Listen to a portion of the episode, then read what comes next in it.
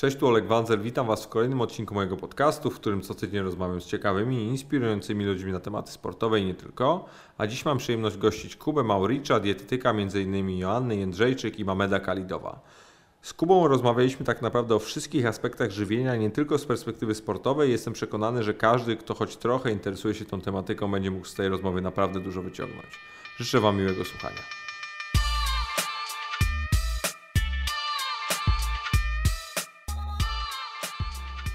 Kuba, witam Ciebie serdecznie. Fajnie, że wpadłeś e, prosto z Norwegii, z tego Tak co jest. słyszę. E, Mam do Ciebie prośbę, bo Ty jesteś jedną z tych osób, która w polskim sporcie wykonuje naprawdę bardzo dużo roboty, albo bym powiedział kreciej roboty, więc jakbyś mógł troszeczkę opowiedzieć tym, czym się zajmujesz, bo oczywiście opiszę to e, w, no, w, w podpisie odcinka, żeby, żeby Mhm. ludziom też troszkę nakreślić, no ale chciałbym, żebyś trochę o sobie powiedział na, sam, na wstępie. E, Witam wszystkich, nazywam się Kuba Mauri, czyli z wykształcenia jestem dietetykiem i co najważniejsze z pasji również. E, tak jak Olek powiedział, ta krecia robota, no to, to jest troszeczkę taki niewdzięczny temat, bo poza nagraniem dzisiaj zdołaliśmy sobie również określić, że e, w polskiej mentalności ciężko jest przebić się jeszcze z takimi elementami jak fizjoterapia, metodyka treningowa, czy też żywienie i suplementacja, albo też psychologia. Natomiast często jest gloryfikowana taka e, mentalność polskiej szkoły mm, trenerskiej, tak? czyli u mnie się zapindala. E, tak jak w tym słynnym filmiku było, no i niestety taka polska myśl szkoleniowa do dzisiaj e, występuje, więc niekiedy trenerom, niekiedy rodzicom, niekiedy samym zawodnikom ciężko jest uświadomić, że faktycznie te elementy dotyczące odnowy biologicznej, e, uplasowania odpowiedniego rytmu dobowego, czyli pójdź spać o tej godzinie, bo jest lepiej, wstań sobie o tej, zrób trening przed, po, z jedzeniem węglowodanowym czy z takim, idź sobie do pani na kozetkę i wygadaj się ze swoimi stresami, no to są takie elementy, które faktycznie często bywają niewdzięczne. Zobaczmy, że sam na przykład Robert Lewandowski, tak, rekord bramek pobity, super napastnik, świetnie, jakiś mistrz karniaków, e, natomiast też mało osób dostrzega, jaki e, impact tutaj wniosła jego żona Ania, która też odpowiednio te nawyki żywieniowe kształtowała. E, I jako, że za nią jestem też w stałym kontakcie, no to też wiem, że tutaj i suplementacja, i probiotyki, te wszystkie elementy tak zwanej dietoterapii są utworzone. Natomiast rzadko kiedy ludzie to widzą. Za to w takiej polskiej naszej mentalności lubią się do tego przydzwonić w momencie, gdy jest źle. Czyli gdyby ktoś nie zrobił wagi, jeżeli chodzi o MMA, czy też dostał jakiś szybki knockout, to od razu, o zobacz, dieta Mauricza czegoś tam mu nie pomogła. No, powiedzmy sobie szczerze, można mieć naprawdę mm, dobrą kondycję jelit, dobrą kondycję mózgu, dobrze e, zrobiony układ kondycyjny, no ale jak się dostaje na szczękę, tam gdzie nie ma żadnej amortyzacji, no to niestety układ nerwowy się wyłącza i na to raczej mało rzeczy jest w stanie wpłynąć pozytywnie. Bo ty głównie pracujesz z zawodnikami MMA, jeżeli się dobrze orientuję, prawda? No Mm, Można bo- powiedzieć, że na tym wyrośliśmy. E, Faktycznie tutaj ja miałem wcześniej takie dosyć skromniejsze portfolio, aczkolwiek też były to osoby bardzo mocno mm, obudowane, bo był to Paweł Nędzik, Grzegorz Kloc, e, Filip Markiewicz, także takie osoby naprawdę mocno postawione na czarnych pasach e, w brazylijskim jiu-jitsu. Był też wtedy na tamte czasy mistrz Polski w kulturystyce Marcin Przyszlak. E, No i było też kilka osób z takich bardziej drużynowych sportów, czy to siatkówka, piłka nożna, koszykówka. E, Natomiast potem faktycznie był przełom w 2014 roku, w lutym, jeżeli dobrze pamiętam, gdzie zadzwonił do mnie pewnego wieczoru Michał Materla. E, I żeby nie to, że Michał ma taki bardzo charakterystyczny głos, to bym pomyślał, że ktoś sobie ściemnia, no bo patrzę godzina 20.30 i nagle siema z tej strony Michał Materla i że on chciałby współpracy się podjąć. Mówię, no fajnie. No i tak potem po nitce do kłębka poszło e, poprzez Piotrka Strusa, poprzez Asię Jędrzejczyk, tam Paweł Kiełek, Mamet Kalidow, Aslan Beksajdow, Tomek Narkun, Wojtek Janusz i tak dalej, i tak dalej. Cała Juras tak naprawdę. tak dalej. Dokładnie, Juras, teraz Tomek Osieciński, także jest cała plejada. Mhm. Bo, bo to jest coś na pewno, co chcę Ciebie wypytać. No bo ja bardzo cenię ludzi, którzy oprócz tego, że dużo mówią, to jeszcze dużo robią. Mhm. I to, co mnie na przykład no, uderzyło, ale w taki pozytywny sposób, gdy się przygotowywałem do tej rozmowy, to to, że no, Ty faktycznie e, no, robisz to, o czym mówisz i, i wdrażasz to. I widać tych Twoich zawodników. No i gdy mówimy o Jędrzejczyk, Kalidowie, Materli, Jurkowskim i tych wszystkim pozostałym zawodnikom, tak? no to, to jest top of the top polskiego MMA, Mhm. jakby, o, jakby o tym nie mówić. I, I to na pewno chciałem Ci powiedzieć, że, że super i, i gratulacje, Dzięki. ale e, pytanie brzmi tak, czy jak bardzo, nie czy, jak bardzo różni się praca ze sportowcem zawodowym, a jak można to przełożyć na takie codzienne życie, powiedzmy laika albo, albo byłego sportowca, tak jak ja dzisiaj jestem. Mhm. Powiem Ci, że w zasadzie jest bardzo duży wspólny mianownik w tym całym aspekcie i e, od sportowca, od takiego typowego Janusza, kapelusza, czy też zwykłego człowieka, jakkolwiek go nie nazwać, e, odróżnia tylko to, że u sportowców jest jakby większy poziom zaawansowania tych aspektów, więc e, sportowcowi bardziej zależy, sportowiec ma bardziej sfokusowany jakiś efekt końcowy, tak? czy to zrobić wagę, czy wyrzeźbić mięśnie, czy nabyć większą wydolność, czy mieć polepszoną regenerację. Więc można by powiedzieć, że e, takiego standardowego człowieka satysfakcjonowałaby trójka z plusem czwórka, a u sportowców wysokiego szczebla wiadomo, że to jest dążenie do piątki z plusem czy szóstki. E, no jak to się mówi, no oni jednak w tych rankingach i czy to jest MMA, czy to są sporty olimpijskie, czy, czy indywidualne, czy drużynowe, no każdy tak naprawdę chce być lepszy jutro niż jest dziś. To jest też taka nasza dewiza, którą my przyjmujemy w Mauritius Training Center, no bo oprócz tego, e, co zdołałem powiedzieć, że jestem dietetykiem tych sportowców zawodowych, no to przede wszystkim też prowadzimy centrum szkoleniowo-treningowe, więc jeżeli ktoś chce się u nas dowiedzieć paru aspektów dotyczących pracujących fizjoterapii, rehabilitacji, odnowy biologicznej, no to idzie pod szkolenia, które prowadzi z naszego ramienia Honorata Dziel. Jeżeli chce ktoś iść na szkolenia z, z metodyki treningu, tych e, aspektów przygotowania motorycznego, no to zgłasza się do Maćka Bielskiego, który u nas pracuje. Natomiast te aspekty dotyczące dietetyki faktycznie tak wyrosły u mnie. No, te szkolenia, które ja prowadzę z dietetyki, suplementacji na czterech poziomach zaawansowania, no to to jest też taki produkt, który jest dedykowany w zasadzie dla każdego. Więc tak samo mam tam okazję gościć sportowców zawodowych, amatorów, ale także po prostu zwykłych ludzi, którzy chcą właśnie dla siebie, dla swojego zdrowia, dla rodziny, chcą tutaj też te pewne aspekty wdrożyć. Więc wracając jakby do meritum Twojego pytania, e, można by powiedzieć, jest parę takich stopni zaawansowania, więc e, tak jak na szkoleniach nawet mówię, dla zwykłego człowieka Kowalskiego wystarczy, że pozbyłby się ze swojego żywienia tak zwanych czynników antyżywieniowych, do których zaliczamy czy to cukier, e, czy kwasy tłuszczowe trans, więc wszystkie produkty cukiernicze i półcukiernicze powinny pójść w odstawkę. Może nie do końca życia, bo wiadomo, że każdy z nas jest człowiekiem i mi też zdarza się gdzieś tam pójść na, do kogoś na urodziny i nie robić przypału i zjem ten kawałek tortu, tak? czy jakąś babeczkę czy jakąś mafinkę sobie też od czasu do czasu przykąszę. Ale tutaj, tutaj znowu pojawia się takie hasło jak nawyk żywieniowy, czyli e, podejrzewam, że duża część naszych słuchaczy wie, co to jest zasada Pareto, tak? czyli 80% e, Twojego sukcesu leży w 20% Twoich klientów. Przekładając to na dietetykę, moglibyśmy powiedzieć, że 80% działań na przestrzeni tygodnia będzie jak najbardziej ok. Czyli z tych 30 posiłków, które często zjadamy na przestrzeni 7 dni, jeżeli 26-27 będzie ok, a 3-4 będą jakimiś cheat mealami, czy jakimiś mniejszymi czy większymi podjadaniami, będzie już naprawdę świetnie. Natomiast u sportowców e, ta eliminacja czynników antyżywieniowych, czyli skupienie się na tych pełnowartościowych, odżywczych produktach, które nie zawierają dużej bazy chemii spożywczej, to jest tak naprawdę dopiero wierzchołek góry lodowej. Nie? To jest znowu ta e, krecia robota, o której mówiłeś. Nie? Czyli to jest ten minimalny udział, który widać, a pod tym wszystkim jest masyw olbrzymi, którego jeszcze nie widać. Czyli jak to idzie zgodnie z interpretacją badań krwi, czyli patrzymy sobie na taką morfologię, na poziom hormonów tarczycy, nadnerczy, jak funkcjonuje wątroba, trzustka, jak to jest sprzęgnięte na przestrzeni całego tygodnia, czy nawet mikro, mezo, makro cyklu treningowego danego sportowca. E, I pomimo faktu, że ja no, często na internecie widzę, że um, zostałem uplasowany przez większość ludzi jako Mauricz ten od diety niskowęglowodanowej, to nie jest prawda, bo e, ja zawsze mówię takie swoje słynne słowo zależy, więc zależy. Czasem dla takiego Michała Materli, który ma po 12-15 jednostek treningowych na przestrzeni tygodnia, czasami jest ten okres, gdzie on jest na diecie niskowęglowodanowej, a czasem trzeba dać te wysokie węglowodany, no bo jednak, jak to się mówi, z pustego i Salomon nie naleje. Więc jeżeli chcesz kierować energię, musisz dorzucić więcej tego węglowodanu w formie czy to ryżu, batatów, czy gryki, czy prosa, czy czegokolwiek innego. Kurde, bo powiem Ci, że jak, jak tak Ciebie słucham, to naprawdę można po pierwsze się dużo dowiedzieć, po drugie też zwariować, bo tempo masz naprawdę konkretne i i fajnie, bo, bo moim zadaniem będzie Ciebie jakoś teraz kierunkować. I Puścimy tak, w zwolnieniu. No tak, nie, oczywiście, no. ale to, o czym, słuchaj, ja chcę dzisiaj z Tobą pogadać, to jest tak naprawdę dla mnie ważne, bo nie sensu stricte o, o dietetyce jako takiej, mhm. tylko o tym, jak tą dietetykę można stosować i jaką ona odgrywa rolę, bo mhm. ja jestem przekonany o tym i bardzo mocno w to wierzę, że jest to strasznie niedoceniana część w ogóle takiego przygotowania fizycznego, czy w ogóle funkcjonowania człowieka. Mhm. I, I, pierwsze pytanie brzmi tak. Jak Ty oceniasz w ogóle dzisiaj e, stan wiedzy Polaków na temat odżywiania i, i diety, i no jakby stylu życia tak naprawdę swojego? No powiem Ci, że jest coraz lepiej. E, porównując to dekadę wstecz, no to ludzie naprawdę nie mieli tutaj zielonego pojęcia. E, ja w sumie, e, pomimo faktu, że moja postura nie jest jakaś tam olbrzymia, przynajmniej na chwilę obecną, to wywodzę się ze środowiska kulturystycznego.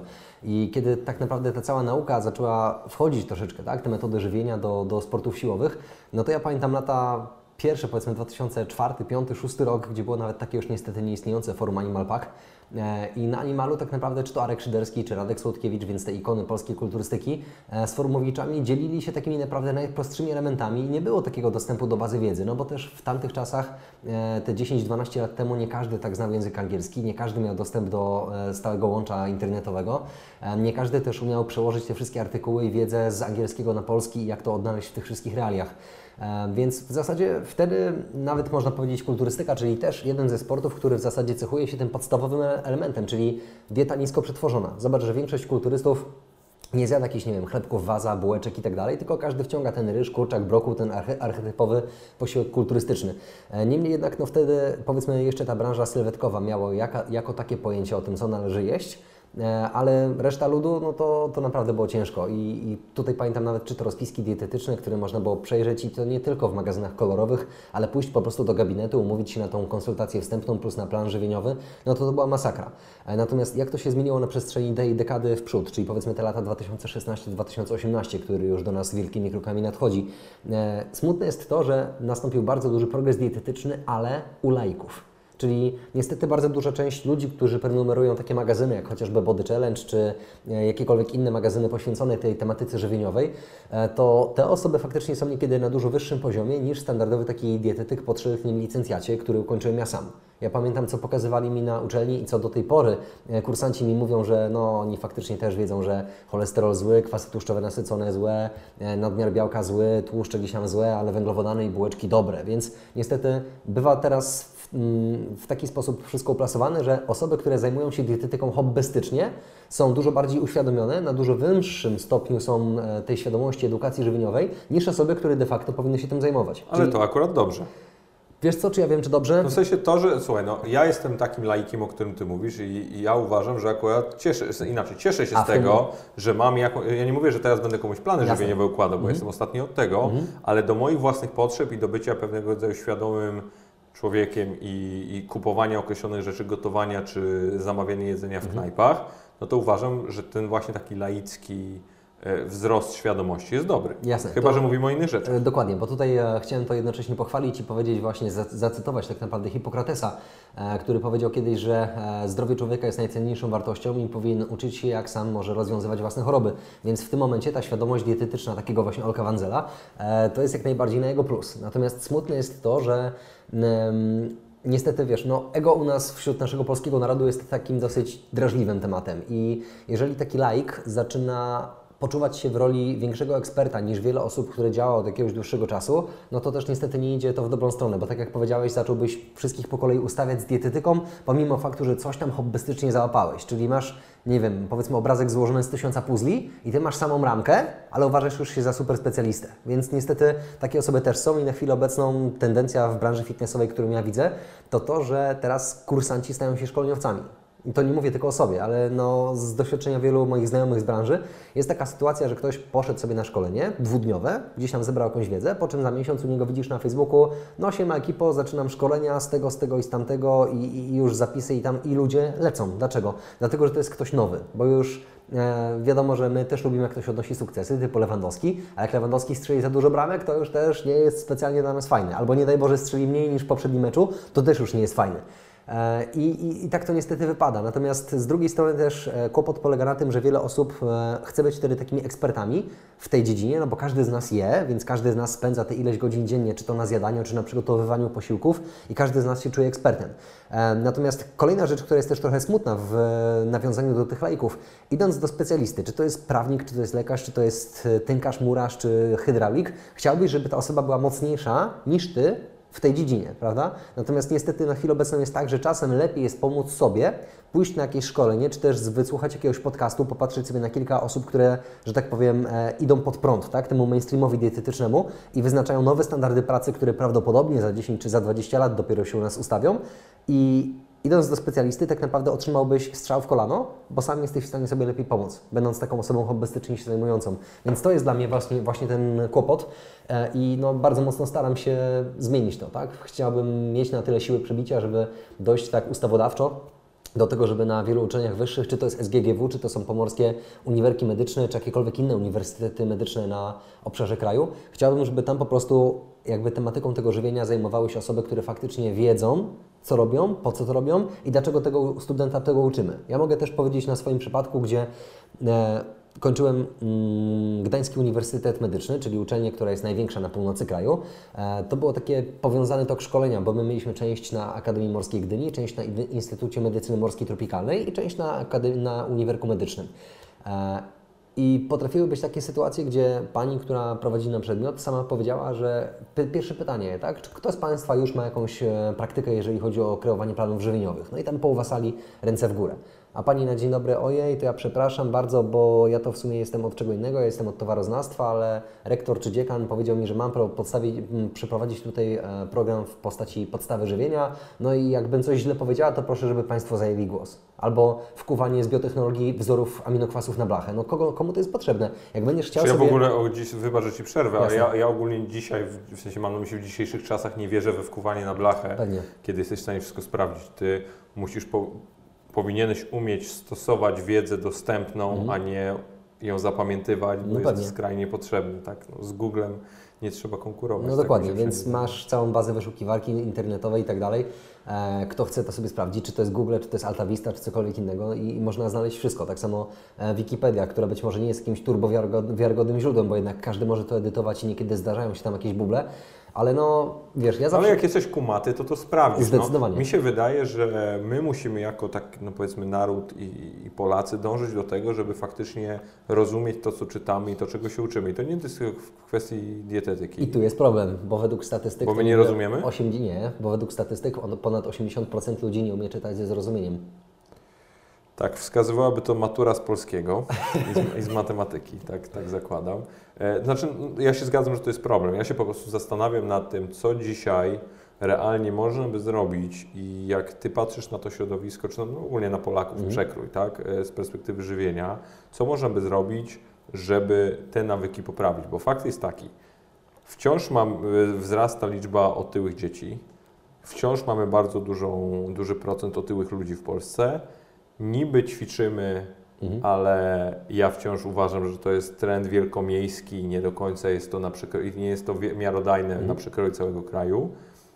I wciąż no, jest ten taki stereotyp, y, niestety prawdziwy, ziemniaków ze schabowym i, i popite pół litrem piwa. Nie? I, I ja jestem przekonany o tym, że to nie jest dobra droga. Nie? Mhm.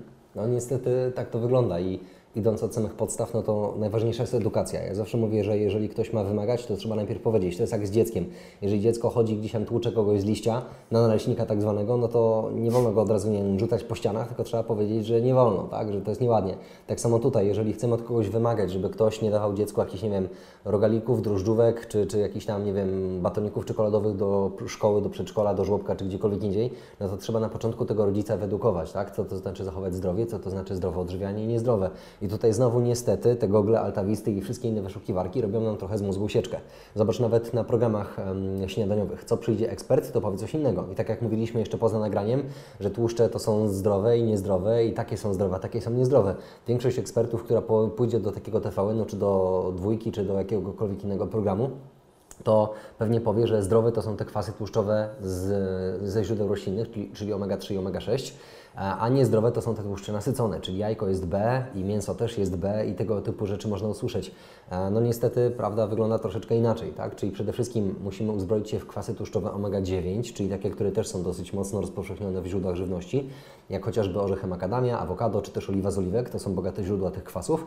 E, Nie możemy się obawiać tłuszczów nasyconych, więc jeżeli ktoś zje trochę sera koziego, czy owczego, czy krowiego, e, czy zje sobie jakieś tatary, czy jajka, czy jakiekolwiek inne tłuste mięsa, typu, nie wiem, żeberka, to jest też ok, tylko trzeba poskładać to wszystko do kupy i niestety e, ludzie, biorąc pod uwagę takie zlepianie się w jakieś takie powiedzmy grupy, no niekiedy to jest nazywane sekciarstwo dietetyczne, to niektórzy właśnie idą po zyskalość i skalność, czyli ci jedli od cholery warzyw, mówimy na przykład o weganach i wegetarianach, a ci z kolei idą tylko pod mięso, więc też dieta na zasadzie dzisiaj schabowy, e, za chwilę tatar i za chwilę e, jakąś wątróbkę, podroby inne i tak dalej. Mówisz o paleo teraz, tak? No tak nie do końca, bo Para paleo. Pa, para paleo, takie para paleo bardzo mocno mięsne, tak? Bo wszystkie dane, które, mm, z którymi dysponujemy na chwilę obecną mówią, że człowiek jest wszystkożercą, tak? Czyli faktycznie musimy i posługiwać się pokarmem mięsnym i pokarmem pokarmem, który będzie gdzieś tam pochodzenia roślinnego. E, tutaj trzeba by zahaczyć o najważniejszy aspekt, do którego też chciałem nawiązać, czyli jelita. Tak? Jelita są jednym z naszych najważniejszych elementów i bez sprawnie funkcjonujących jelit naprawdę ta plaga otyłości czy też innych chorób, nawet autoimmunologia, więc choroba Hashimoto, Gravesa basedowa, e, reumatoidalne zapalenie stawów, atopowe zapalenie skóry i tak dalej, ta plaga nowotworów, e, to jest element, który wychodzi z tego niestety, że nasze jelita są w stanie bardzo kiepskim. A dlaczego są w stanie bardzo kiepskim? Bo duża część społeczeństwa przyjmująca mają antybiotyki. Powiedz mi Olek, jak byłeś kiedykolwiek chory, czy lekarz zlecił Ci zrobienie antybiogramu, czyli zrobił wymaz powiedzmy tego policzka, czy gdzieś tam migdałków, które gdzieś tam zaniemogły na anginę i sprawdził, który konkretny z gronkowców Cię zaatakował po to, żeby dobrać antybiotyk, a nie prowadzić wojny totalnej, czyli nie walnąć atomówki? Nie i nie znam nikogo, ko- kto by tak miał. No ja Tak znam jedną wydaje. osobę tylko, która miała Swoją coś żonę takiego. Nie, nie, nie, nie, nie, nie. Akurat Nie, mojego... jak, jak Boga kocham, nie, nie mam o tym pojęcia. Ja, ja zawsze akurat byłem tak wychowany, że antybiotyk to jest no, skrajność, której mimo wszystko powinniśmy unikać Mhm.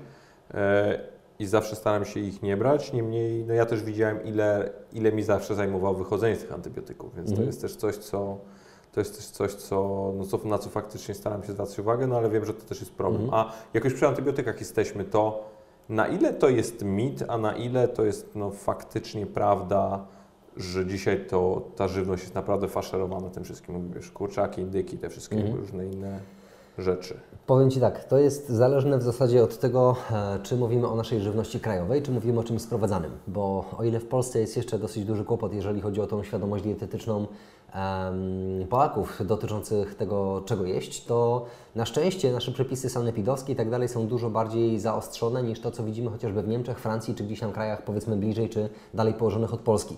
E, Ten mit kurczaka steryda, czy, czy mm, kwestie tych filmików, że leży sobie indyk, gość go gdzieś tam czymś szpr- szprycuje i ten indyk robi się dwa razy większy niż był poprzednio. E, To jest na szczęście nie. Polska. Tak, to jest na szczęście nie Polska. Faktycznie każda trzoda, czy to jest chlewna, więc czy mówimy o świni, czy mówimy o kurczakach, tak, takich broi- broilerach, to one dostają antybiotyki, to jest prawda. Natomiast e, taki broilerek rośnie sobie około 30-40 dni, czyli około 4 do 5 tygodni i potem dostaje w beret. Więc powiedziałbym, że dużo bardziej narażona na ilość czynników wzrostowych jest taka świnia czy też krowa, która rośnie do iluś set kilogramów. No i gdyby, e, gdyby taka krowa padła gospodarzowi, no to jest naprawdę strata na dużym, na dużym aspekcie finansowym. A tutaj taki broiler, który ma może tam kilogram, może dwa, może trzy, no to w zasadzie nie jest to jakaś taka duża strata. Koniec końców, w zasadzie ta, e, te źródła mięsa, można by tak powiedzieć, które my otrzymujemy, na pewno było to mięso, które dostało antybiotyk, ale to, że te kurczaki świecą w ciemności, że to są sterydy i tak dalej, że będziemy zaraz pozałatwiani, no to nie jest do końca prawda. Faktycznie dużo lepiej byłoby mieć kurczaka z takiego chowu typowo ekologicznego, czy też zjeść sobie dziczyznę, więc jakiegoś dzika, jelenia, czy też sarnę, bo ze skupu punktu myśliwskiego też można dostać naprawdę fajne mięso. No ale z kolei masz straszny mit, że dziczyzna jest niezdrowa. Dlaczego? Wszędzie się to słychać, że masz nie przestać jeść dzika, że właśnie nie masz jeść jelenia, nie masz jeść sarny, albo tak naprawdę albo to się kojarzy właśnie z takim stricte myśliwskim jedzeniem, do którego wiesz, z jakąś golonką albo z czymś takim. Nie? Myślę, że to jest bardziej zakorzenione jako mit właśnie, tak jak mówisz, ten no, sos myśliwski, tłuste i tak dalej. Bo, pytam. znaczy ja też chciałem zapytać, bo być może masz jakieś informacje, które mógłbym od razu zdementować lub też dowiedzieć się o co chodzi. E, powiedzmy sobie szczerze, jest łańcuch pokarmowy, prawda? Czyli jest sobie taka, nie wiem, taki żołę, żołędź, który spada i gdzieś tam go ten świniak wyryje.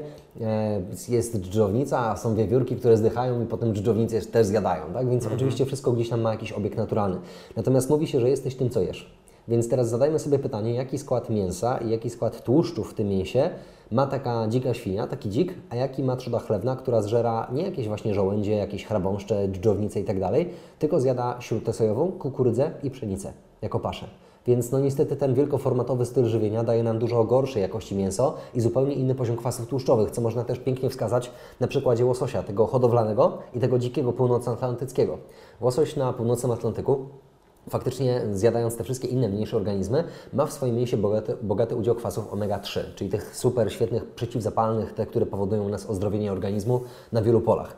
E, natomiast cały kłopot polega na tym, że ten łosoś atlantycki jest zdecydowanie chudszy niż ten nasz hodowlany, ten o barwie pomarańczowej e, i w związku z tym no, jest to Ten może bardziej atlantycki odżywczy. jest taki bardziej różowy, Taki, nie? taki karminowy, różowy, ceglany, coś takiego, nie? Więc faktycznie on ma zupełnie inną barwę niż ten e, taki typowo pomarańczowy, który my, my widzimy w barach sushi, czy też sami kupujemy gdzieś tam mrożonego, czy, czy schłodzonego po prostu w jakichś punktach typu Biedronka, Lidl, Piotr i Paweł, gdziekolwiek indziej. I kłopot polega na tym właśnie, że jeżeli mówimy o dziczyźnie, to zobacz, że dziczyzna Dzięki temu, że zjadała sobie olbrzymie ilości tych tam właśnie naturalnych pokarmów, okej, zdarza się faktycznie, że jedziemy autem i widzimy, że ta sarenka czy dziki jest tam w rowie i coś tam sobie futruje. Okej, no wiadomo. Natomiast e, gdyby one jadły tylko tu, no to mielibyśmy w zasadzie wielki płot stworzony z dzików, sary i jakichś łosi jeleni. A tak nie jest. Więc e, te zwierzątka... Są w ogóle hodowle dzików? Wiesz co, nie Takie spotkałem pod się z tym. Nie spotkałem się z tym. Wydaje mi się, że to jest po prostu tylko i wyłącznie związane z prawem myśliwskim, czyli jest jakiś tam ubój na danym obszarze do iluś sztuk, no i oczywiście potem myśliwy ten, e, to mięso gdzieś tam może sobie sprzedać. E, Natomiast warto jest też e, powiedzieć o tym, że to mięso jest też przebadane weterynaryjnie, więc to nie jest tak, że zaraz się zarazimy jakimś tasiemcem, włośnicą, czy przywrą krwi, czy jakimkolwiek innym pasożytem, bo to wszystko powinno być przebadane. Dokładnie tak samo jak takie typowe mięso rzeźne. Natomiast dzięki temu, że te dziki, sarenki, jelenie, czy jakiekolwiek inne zwierzęta jadły sobie produkty zupełnie lepszej jakości, tak? To były jakieś trawy, jakieś tam listki i tak dalej. Wszystko to, co to zwierzę znalazło w lesie, to sam rodzaj mięsa oraz oczywiście jego zdrowotność i kwasy tłuszczowe są na zupełnie innym poziomie niż w takim typowym przypadku hodowlanym. No to co to znaczy tak naprawdę jeść zdrowo? I żyć zdrowo? Mhm. Tutaj y, kolejny cytat. Mm, Osoba, którą bardzo lubię cytować, zwłaszcza na pierwszym poziomie szkolenia, czyli Bruce Lee. Użyj tego, co użyteczne, odrzuć to, to co zbędne i dodaj, i dodaj coś od siebie. Więc jeżeli powiemy sobie Dobrze, o tym... to co jest No. y, użyteczne, co jest zbędne i co dodałeś od siebie? No właśnie. E, dodaj, e, użyj tego, co użyteczne, czyli oprzyj się na pokarmach spożywczych, które, na źródłach spożywczych, które są w pełni odżywcze, czyli zawierają wszystkie białka, tłuszcze, węglowodany, składniki mineralne, witaminy, antyoksydanty, nutraceutyki, wszystkie te fajne rzeczy, e, które naszemu organizmowi są potrzebne. E, więc powiedzmy, jeżeli pogrupować by te wszystkie pokarmy na te, które są bardziej białkowe, tłuszczowe czy węglowodanowe, to wbrew temu, co się mówi o tej diecie bezglutenowej, to ona wcale nie jest niedoborowa. Zobacz, że jeżeli chodzi o sam element wykluczenia glutenu z naszej diety, to chodzi o to, żeby wyrzucić pszenicę. Natomiast masz oczywiście jeszcze żyto, masz jęczmień, masz owies, masz orkisz, e, ale są jeszcze bardziej odżywcze produkty, takie jak tak zwane pseudozboża, czyli chociażby Komosa. amarant- amarantus, dokładnie, komosa ryżowa, czy też gryka. E, Mamy też, komo, mamy też e, mm, proso, czyli kaszę jaglaną. Mamy ziemniaki, bataty, topinambur, mamy jakieś e, źródło manioka i tapioki, tak? Więc naprawdę tych produktów, które my moglibyśmy wyróżnić z samych węglowodanów, jakie takie turboodżywcze, to już masz spokojnie plejadę 10 produktów. E, Jeżeli chodzi o tłuszcze, to tak jak mówiłem, raczej warto byłoby ograniczyć ten nadmiar kwasów tłuszczowych omega-6, które są zbyt prozapalne, więc te pestki dyni- Omega-6, czyli to są które, które dokładnie produkty? E, które produkty? Generalnie produkty Głównie. pochodzenia roślinnego, ale też niestety mięsa hodowlane. Tutaj wracamy do tej informacji, że jeżeli taka krowa jadła sobie śrutę sojową, kukurydzę, jakieś inne rzeczy, to niestety też w swoim mięsie ma bardziej, ma wyższą zawartość tych prozapalnych kwasów tłuszczowych. One są niestety bardzo ogólnodostępne w naszej diecie.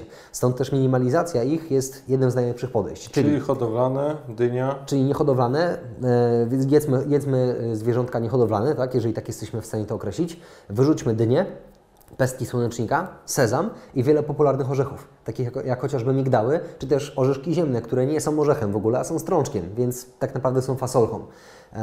Gdybyśmy oparli się bardziej na tych orzechach, powiedzmy, takich jak nerkowce, pistacje, pekany, e, orzechy makadamia, orzechy laskowe, to mamy już zupełnie inny potencjał, jeżeli chodzi o kwasy tłuszczowe. Tak samo jak wcześniej wspomniane awokado czy oliwa z oliwek. Tam też jest dużo kwasów omega-9, więc pasuje to do tej samej, do tej samej puli, o której powiedzieliśmy przed chwilą propos orzechów. Co mamy jeszcze? Mamy jeszcze tłuszcze nasycone, czyli masło jest zdrowe, margaryna nie do końca, wbrew temu, co się mówi w mediach. No wiadomo, że teraz sytuacja trochę ekonomiczna nie pomaga nam, bo masło około 8-9 zł kosztuje za kostkę, więc niestety dla wielu osób jest to taka cena zaporowa, e, ale masło Ale faktycznie... to nie lepiej w takiej sytuacji jest, nie wiem, kupić oliwę z oliwek? Tak, albo wziąć śmietankę i ubić ją po prostu i zrobić sobie własne masło. No, ja mam też takie troszeczkę wrażenie, że, że my lubimy narzekać, a, a nie do końca jesteśmy praktyczni w tym Mhm. wszystkim, bo jak ktoś już raz zaczął, no, został nauczony czegoś w jakimś tam stopniu, że po prostu zawsze smażył te jajecznice na maśle, to tak naprawdę dzisiaj w żadnym stopniu nie chce, Mhm. nie chce się przestawić. I ja się też zastanawiam, co można by zrobić, by w sposób przystępny na przykład przekazać to, co Ty mówisz, bo Mhm. Bije od Ciebie no, ogromna wiedza i tak naprawdę no, strzelasz tymi faktami i, e, i informacjami jak, jak z AK-47, Mhm. ale ja wiem po prostu, że jest od cholery ludzi, którzy wysiedzieliby z Tobą 15 minut i powiedzieli, że nie, spierdalam, no, nie mogę słuchać, nie? No nie, i wiesz, i to jest straszny problem, Mhm. bo zastanawiam się naprawdę, w jaki sposób można by to, co Ty mówisz i to, co Ty wiesz, przekazać takim ludziom. Mhm. Powiem Ci tak, tu jest parę elementów do zrobienia, bo po pierwsze, my tutaj rozmawiamy o wielu wyrywkowych rzeczach, tak? czyli to fajne, to nie fajne. Nie ma takiego możli- nie ma możliwej takiej narracji z mojej strony, więc e, tak komercyjnie bym powiedział, że każdy, kto chciałby dowiedzieć się takich podstaw o żywieniu, powinien wpaść do mnie na szkolenie, wpisać mauricz.com, wjechać na szkolenie z dietetyki, suplementacji poziom pierwszy. No tylko, I- że to nigdy nie będzie aż tak makro. Oczywiście. Ja mówię o tym, wiesz, jak, czy jest jakiś w ogóle jakaś możliwość, żeby te 39 milionów Polaków Mhm. mogło dzisiaj się nauczyć, co to znaczy zdrowo żyć? Wiesz co, mi się wydaje, że potęga internetu i ogólnie media masowego przekazu. Tylko musiałby się znaleźć jakiś taki producent, który faktycznie znalazłby kogoś, kto rzetelnie, z pasją, bez żadnego bullshitu, pokaże ludziom to zjedzcie, tego nie zjedzcie, a to jest jeszcze niewiadome trochę, więc nie wypowiadajmy się w kontekście tego, że to jest złe czy dobre. E, natomiast, no jak wiadomo, merytoryka w dzisiejszych czasach się nie sprzedaje. Lepiej emitować pro, programy typu X na plaży, czy, czy Warsaw Shore, czy coś, coś podobnego i to ludzie chcą oglądać, czy jakimś tam, nie wiem, 19 plus, szpitali, takie inne dziwne zamulacze. E, merytoryka tak naprawdę mogłaby być wprowadzona w takim elemencie na śmiesznie. Czyli trzeba by zrobić coś takiego zabawnego, co by zawierało tylko kilka takich naukowych faktów, przedstawionych w tak prosty i łopatologiczny sposób, żeby ludziom chciało się to oglądać. I to jest trochę smutne niestety, bo zdrowie naszego narodu i nie tylko, w zasadzie na poziomie światowym, leci z, z roku na rok na łeb na szyję. E, I ostatnio miałem nawet taką rozmowę z panem od ubezpieczeń, który powiedział, że e, rzucił takie hasło, no i po 65 roku życia ta składka wygląda tak. A ja mówię, no dobra, jak dożyjemy?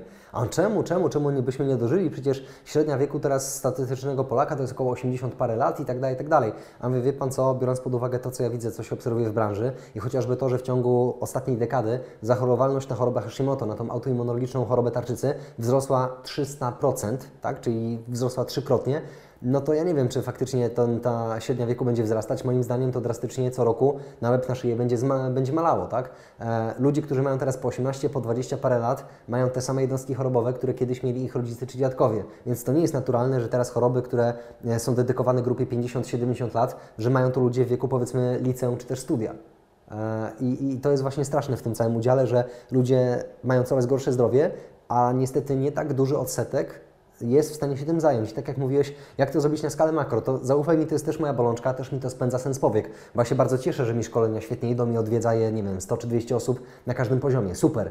Natomiast ja bym chciał naprawdę móc mieć możliwość wpłynięcia na taki fanpage typu, no nie wiem, 5-10 milionów lajków, tak, tych polubień wszystkich, żeby można było prowadzić taką informację, żeby naprawdę dając te najprostsze elementy łopatologiczne, wracając do tego Bruce'a Lee, użyj tego, co użyteczne, odrzuć to, co zbędne, zrobić takiemu człowiekowi rozpis, to jedz, tego nie jedz. Przy czym tego nie jedz, zrobić z gwiazdeczką, powiedzmy, nie wiem, raz czy dwa razy w tygodniu będzie ok. Więc pizza, kebab, hamburger czy jakaś bułka pszenna, ok, nie, nie zafiksujmy się tak na totalnie dietę bezglutenową, bo wiadomo, że w odniesieniu do makro efektu nie będziemy oczekiwali cudów, ale byłoby świetnie, gdyby duża część osób wiedziała, że tą pszenicę to raczej tak traktujmy z marginesem, nie? No i tutaj jest właśnie moja bolączka, nie wiem, może dzięki temu podcastowi ktoś się odezwie, słuchaj Kuba, mam dostęp do dwumilionowego fanpage'a Anki Lewandowskiej czy coś tam i chcemy Cię wziąć na support, no byłoby świetnie. Natomiast y, no nie zawsze tak jest. I, e, i to jest faktycznie też kłopotne, ja się noszę z zamiarem napisania książki, która też będzie zawierała E, takie najprostsze elementy właśnie, tak? Że każdy nawet jak nie nadąży za moim tempem gadania, to sobie spokojnie we własnym tempie tą stronę kartki przeczyta. I to nie ma być taka właśnie mega mądra książka dedykowana jakimś super mózgom po moich szkoleniach, tylko to ma być wiedza dostępna dla każdego, czyli bogata wartość merytoryczna, przekazana w taki naprawdę prosty sposób, żeby każdy mógł to zrozumieć. No niestety no nie ma takiej recepty na sukces, że zróbmy coś i będzie świetnie. Enigma. Wiesz, no oczywiście no to jest jakaś tam wizja, wizja przyszłości i, i, może troszkę odsunęliśmy od tematu, no bo to, to gdzieś tam jest no to żywienie w skali makro, tak jak mhm. powiedziałem, no ale, ale pytanie w ogóle, czy, czy też Polacy chcą się dowiedzieć. No ale to jest, to jest, to jest wywód na, na, na też dłuższą rozmowę, no bo tutaj to też się, y, jak gadaliśmy przed, mhm. przed, przed rozpoczęciem nagrania, że na to, jak my dzisiaj jemy, wpływa wiele czynników społecznych, historycznych, mhm. e, środowiskowych, klimatycznych itd., tak itd. Tak Ekonomicznych też nie zapominajmy. No właśnie, mhm. e, mit. E, ja bym chciał stąd parę tych mitów e, poruszyć mhm. i, i, i, mam nadzieję trochę poobalać, mhm. bo ja widzę po sobie tak, że można jeść zdrowo, że to jest kwestia własnych nawyków i, i przyzwyczajeń, że jeżeli, jeżeli, masz na tyle dużo samozaparcia, jakiejś silnej woli, to, mhm. to możesz żyć zdrowo.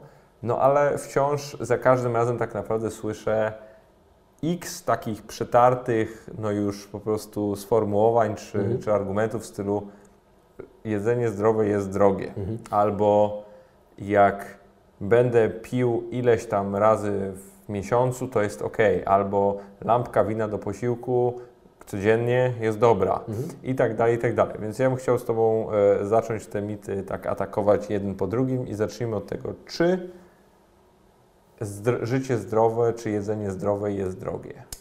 Nie jest drogie, jeżeli to nie jest jakaś ekstrawagancja, natomiast na pewno jest to trochę droższe niż takie standardowe zakupy matki Polki, która idzie po 10 kajzerek, e, do tego bierze jakiś tam e, serek topiony, jakąś padlinę typu polędwica sopocka i robi dzieciom kanapki.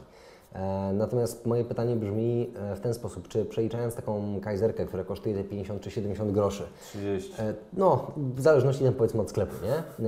Powiedzmy między te 30 a, a 70 groszy taka bułka będzie kosztowała. Dodajmy do tego jakieś masło, czy margarynę, czy jakiś tam nawet serek właśnie topiony. Dodajmy do tego jakieś plasterki polędwicy sopockiej, czy jakiegokolwiek innego, jakiegoś źródła taniej wędliny. To pytanie moje brzmi, ile faktycznie kosztuje taka kanapka w przeliczeniu na dziecko? Ile takie dziecko zje kanapek? I na ile sytości ta kanapka jest w stanie spowodować i z mojej takiej działki, co ten posiłek w ogóle wnosi i co daje anty, tak? Czyli znowu użyj tego, co użyteczne i odrzuć to, co zbędne. Gdyby taka matka zobaczyła, że taką jedną kanapką z polędwicą sopocką kładzie do organizmu dziecka tyle soli, fosforanów, jakichś konserwantów i tak czynników antyżywieniowych, które spowodują, że ona z dnia na dzień niestety podkopuje to zdrowie metaboliczne swojego dziecka, najczęściej niestety o tym nie wiedząc, bo tutaj znowu dochodzimy do tej edukacji, tak? Czyli ludzie często nie wiedzą, co to jest zdrowe i albo nie wiedzą, bo się z tym nie zetknęli, albo nie wiedzą, bo nie chcą wiedzieć, bo tak jest po prostu wygodniej.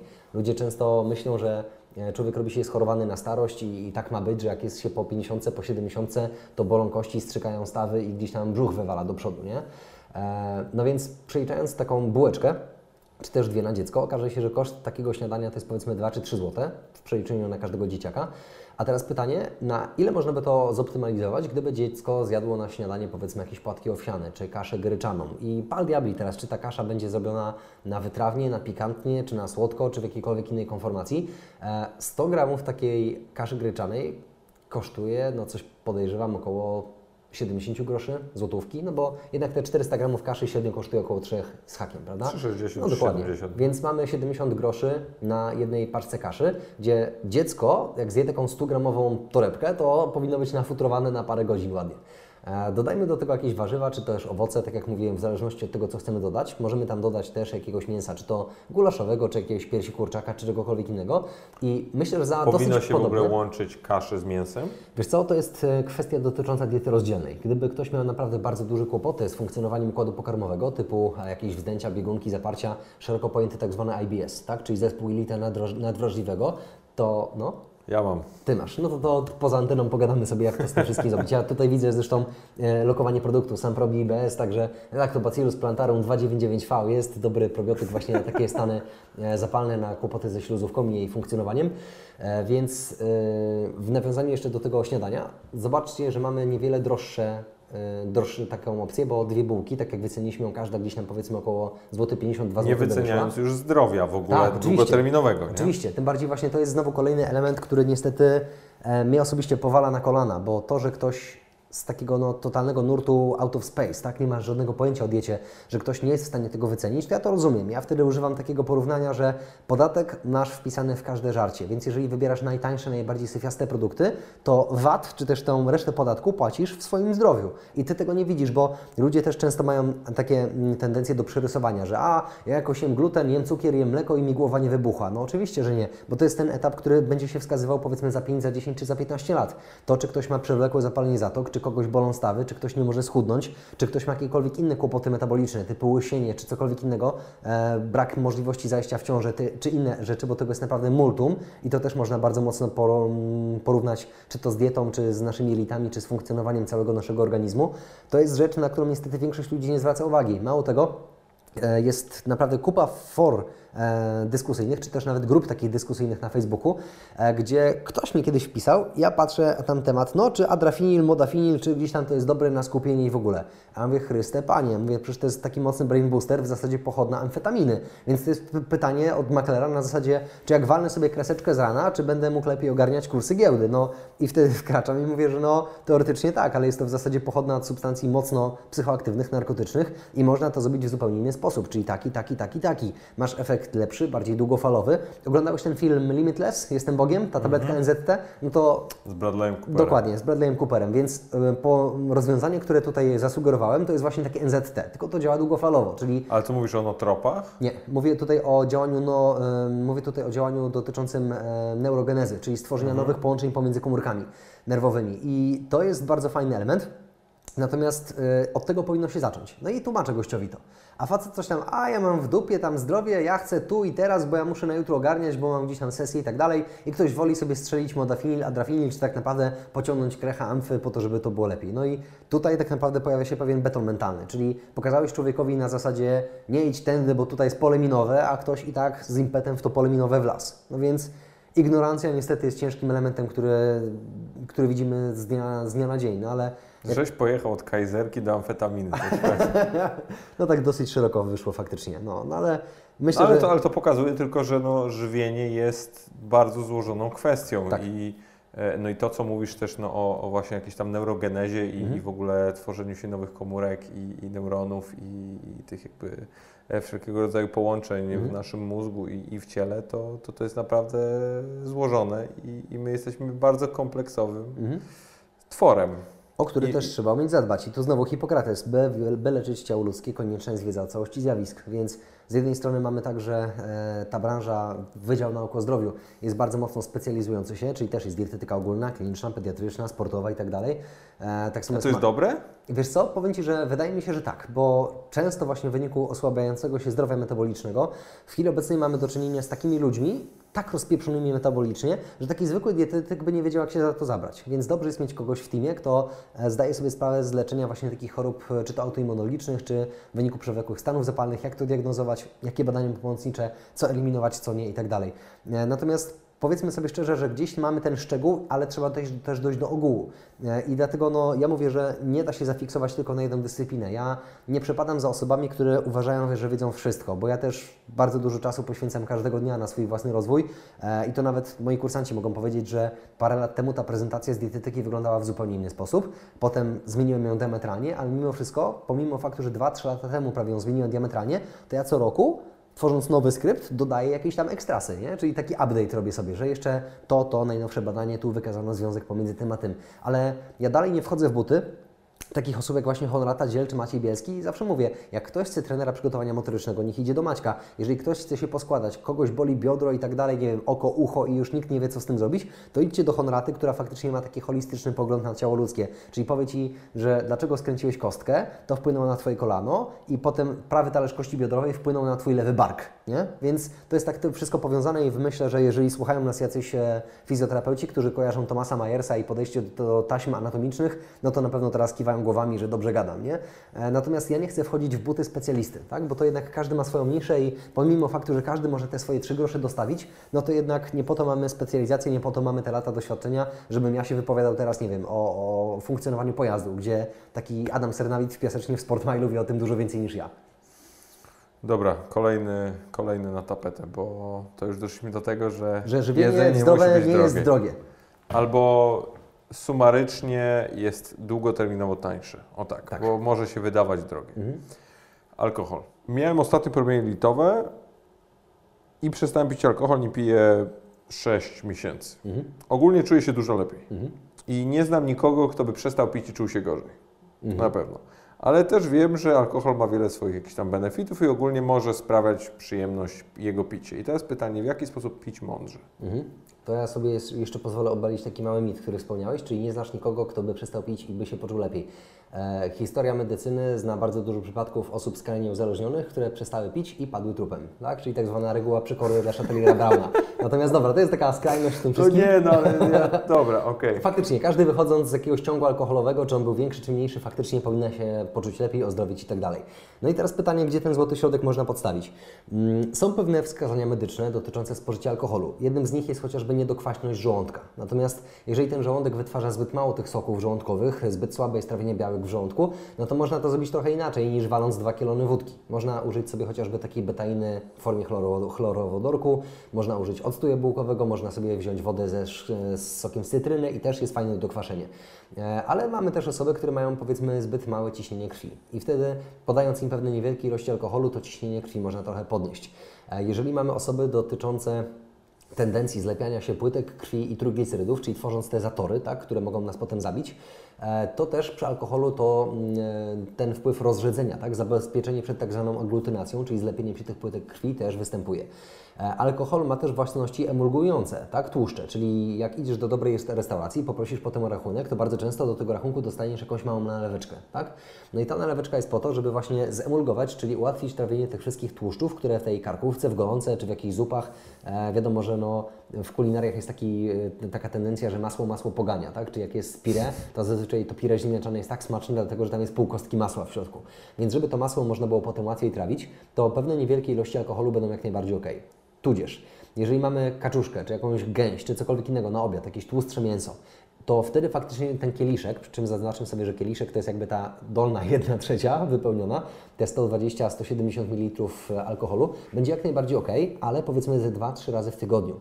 E, Z kolei picie dużych ilości alkoholu nigdy nie jest wskazane, bo pomimo faktu, że podnosi troszeczkę poziom kwasu gamma-aminomasłowego, jednego z neuroprzekaźników, który powoduje, że my jesteśmy no, tacy różnie. Tak? Tutaj właśnie o neuroprzekaźnikach, o funkcjonowaniu mózgu to można by gadać przez grube godziny. E, natomiast y, większość osób wie o tym, że jak sobie strzeli jednego, jedno piwko czy jakąś szlampkę wina do kolacji, to lepiej się śpi. Tak? Z tego powodu, że kwas gamma-aminomasłowy faktycznie zabe, mm, zabezpiecza nam ten długi, stabilny sen o, e, o tej głębokiej fazie wypoczynku. E, Co nie oznacza z kolei, że codziennie trzeba dziabnąć sobie kielona przed snem, prawda? E, No i tutaj pytanie też, jak to wygląda z perspektywy osób, które faktycznie do tego kieliszka zaglądają zbyt często. I tutaj możemy znowu powiedzieć sobie trochę o funkcjonowaniu jelit, czyli utrata tak zwanych tight junction. Teraz zobacz, jak masz moje pal- palce. Nasi słuchacze tego nie widzą, ale ściśnijcie sobie teraz palce jednej ręki, wskazując tak jak na zasadzie, że stop, nie przejdziesz, no to, to mamy ścisłe połączenia pomiędzy palcami. A jak teraz je rozczapierzymy, na zasadzie takiej jakbyśmy chcieli złapać piłkę od koszykówki, no to tutaj mamy luki pomiędzy tymi palcami. I to jest właśnie utrata tych połączeń ścisłych, jeżeli chodzi o nasze kosmiki jelitowe. Wyobraźmy sobie, że te palce naszej dłoni to są kosmiki, które powinny szczelnie przylegać i budować ścianę jelita. Natomiast u wielu osób w wyniku takiego zatrucia alkoholowego, czyli picia przez długi okres, typu nie wiem, 3 miesiące, dzień w dzień, pół roku, rok, 10 lat, niestety te kosmiki zaczynają się coraz bardziej rozchwiewać. I niestety, ale w podobny sposób wyglądają nasze jelita w momencie, gdy my przesadzamy z glutenem, cukrem czy też tłuszczami trans. E, To są elementy naszej diety, tak zwane te czynniki antyżywieniowe, czyli w koncepcji Bruce'a Lee to jest to, czego należy unikać, tak? Odrzucić to, co zbędne. E, I niestety takie naukowe nazwy jak interferon gamma, czy też czynnik martwicy nowotworu alfa, interleukiny. To są elementy, które niestety u nas stymulują stany zapalne i to rozwala nasz cały organizm od środka. Więc gdybyśmy chcieli sobie wyobrazić funkcję jelit, to jest taki nasz wewnętrzny filtr, który wchłania wszystko to, co jest zgodne z funkcjonowaniem ciała i wyrzuca, czy też zabezpiecza przed wchłonięciem wszystkie substancje toksyczne. No i alkohol też można powiedzieć w pewnej większej ilości, czy też dłuższym okresie czasu spożywany, jest taką substancją toksyczną. Czyli złoty środek, taki w, la, w laickim ujęciu, e, pij niewielkie ilości alkoholu, czyli ta złota zasada 25 gramów alkoholu etylowego, czyli jedno piwko półlitrowe, nie więcej niż 2-3 razy w tygodniu. I będzie ok. Natomiast częstsze wyjścia, czy też sobota, niedziela, weekend i flaszka za flaszką, no to nie do końca. A jest jakaś różnica pomiędzy tymi no, alkoholami wysokoprocentowymi, a tych nis- niskoprocentowymi? Mm, Wiesz co, w zasadzie no, bardzo prosta, tak? Im wyżej oprocentowany alkohol, tym większa ilość alkoholu wnika za pojedynczą dawką, więc ten efekt może być po prostu szybszy. E, czyli to, co mamy normalnie w półlitrowym piwie, znajdziemy w 30-mililitrowym kielichu, oliwy, e, kielichu Oliwy. nie oliwy, tylko właśnie Oliwy tylko, tylko wódki, nie? E, i, i, i, I to może być kłopot w tym wszystkim, nie? Natomiast jeżeli chodzi o... o... Czyli lepiej ogólnie wysokoprocentowych nie pić za dużo. Mm, Za dużo, dokładnie, tak? Czyli zrównać to sobie. Najlepiej byłoby tak naprawdę pić jakieś czerwone wino wytrawne czy półwytrawne z szczypów takich jak Merlot, Pinot Noir czy Saint Laurent. To są te, które zawierają najwięcej resveratrolu, czyli tego ekstraktu ze skórek winogron, tudzież e, te wszystkie elementy, które możemy znaleźć w internecie pod tytułem paradoks diety francuskiej, tak? Czyli czemu Francuzi zjadają dużo produktów, które podbijają poziom cholesterolu, a mimo wszystko ich układ sercowo-naczyniowy, to zabezpieczenie przed chorobą niedokrwiną serca, miażdżycą jest niezłe. Kolejną rzeczą jest, y, jest, słuchaj, kwestia tego, że mamy żywienie i ludzie bardzo często wyobrażają sobie, że jeść zdrowo to znaczy jeść niesmacznie. No to też jest jeden z mitów takich bardzo mocno No rozpowszechnionych. dokładnie, I- ale wszyscy to powtarzają. Mhm. Mówią, Boże Święty, przestań jeść tę zieleninę, Mhm. ona nie smakuje. Mhm. Albo e, jak ja nie zjem ziemniaków z masłem i, i tego schabowego, to mi to nie smakuje. Oczywiście to jest wszystko zajebiście przerysowane Mhm. i, nie, i nie o to mi teraz chodzi, no ale w jaki sposób można tym ludziom pokazać, że to zdrowe jedzenie może być smaczne? Wiesz co? Oprócz tego oczywiście, żeby można im je przygotować, dać zjeść i oni się Jasne, tak, wypowiedzą. i oni się tak, wypowiedzą. że spróbuj sobie, jest fajne i zdrowe. Wiesz co, tutaj mogę się akurat pochwalić, że wiele osób postrzega mnie jakiego, jako takiego e, mentora zmiany tej świadomości żywieniowej. I tu znowu wychodząc tak naprawdę od tych gwiazd sportu, typu Maciek Jewtuszko, Michał Materla i tak dalej. E, I, I wielokrotnie chłopaki zauważali, że wiesz co, mówi, że przed Kubą to nigdy byś nie pomyślał, że możesz robić wagę, tak? Zbijać te powiedzmy 10 czy 12 czy 15 kg, które chłopaki poza sezonem startowym mają i możesz to robić jedząc żeberka, masło orzechowe i tak dalej. Czyli pokarmy tłuste, smaczne, przyprawione i wszystko jest spoko. Niestety ten mit pokutuje nam chyba nawet od lat 70., gdzie oglądaliśmy te gwiazdy, e, gwiazdy kina typu, nie wiem, Julia Roberts i tak dalej. I on oczywiście informacja, że Julia Roberts gdzieś tam nawet na filmie jest na diecie. No i co ona miała? Na tym filmie miała oczywiście wielki talerz, na którym była kubka gotowanych warzyw i to by było na tyle. Więc niestety to, że żywienie zdrowe, to również żywienie niskokaloryczne, żywienie niesmaczne, to niestety wrosło tak naprawdę od kina. Zobacz, że do tej pory nawet w filmach akcji masz często sprzedawany ten kit, że nie, ja zrezygnowałem z czerwonego mięsa, wiesz, sprawy serca, zawał, miażdżyca i tak dalej. To jest pic pic na wodę fotomontaż i o tym, skąd się robi ta blaszka miażdżycowa, jak to w ogóle wygląda, jeżeli chodzi o chorobę niedokrwienną serca, jak w tym wszystkim wygląda leczenie statynami, czyli te wszystkie leki, które wypisują nam często kardiolodzy. E, to jest znowu temat na kolejny podcast jakiś, nie? Natomiast e, faktycznie utarło się coś takiego, że żywienie dietetyczne, zdrowe jest niesmaczne. To jest guzik prawda. Od razu możemy to rozbić na czynniki pierwsze, czyli smaczne jest wszystko to, co jest słone, słodkie i tłuste. Lub też jest połączeniem tego wszystkiego. Czyli dlaczego taki noworodek krzywi Ci się na cytrynę, a mleko matki spija sobie bardzo chętnie? Dlatego, że mleko kobiece zawiera cukry, tak, które dają ten słodki posmak i taki dzieciaczek przysysając się do matczynej piersi ma sygnał, dobra, jem coś słodkiego, jest spoko, nie będę tam kwilił, nie będę gdzieś tam dar papy. E, natomiast jeżeli dasz takiemu dziecku cytrynę, to kwaśne oznacza zepsute, gorzkie oznacza toksyczne. Ale biorąc pod uwagę teraz na przykład takiego łososia w sosie teriyaki, dlaczego on jest smaczny? Bo jest Trochę słodki, trochę słodki i trochę trochę, tłusty. trochę tłusty, dokładnie, tak? Sos teriyaki jest taki w zasadzie słodko-słony, plus tłustość tego mięsa gwarantuje, że to jest coś smacznego. Co byś wolał zjeść? Polędwicę z masełkiem ziołowym, czy suchą gotowaną pierś kurczaka? Wiadomo, że polędwicę, prawda? No to Więc- pytanie w takim razie, jakie takie, no nie wiem, e, myki czy, Mhm. czy, czy zabiegi można robić, by troszeczkę sobie to, to Mhm. jedzenie urozmaicić, by ono było smaczniejsze? Mhm. W zasadzie musisz znowu odnieść się do tych wzorców smaku, czyli słodkie, słone i tłuste. Jeżeli masz chude mięso, to polej je na przykład odrobiną oliwy z oliwek, czy też zrób jakieś, nie wiem, e, pesto, tak, na jakieś bazylii, na oliwie i tak dalej i sobie tego kurczaka dosłownie tam polej takim sosikiem. Już jest bardziej, bardziej tłuste, e, jest też oczywiście jakiś tam sól, czy jakiekolwiek inne przyprawy w niewielkim udziale, więc też będzie to smakowało lepiej. E, jeżeli masz z kolei jakiś schab wieprzowy, czy, czy, czy, czy coś, to dlaczego nie nadziać go morelą, czy też śliwką? Dajesz smak słodki, też jest lepsze.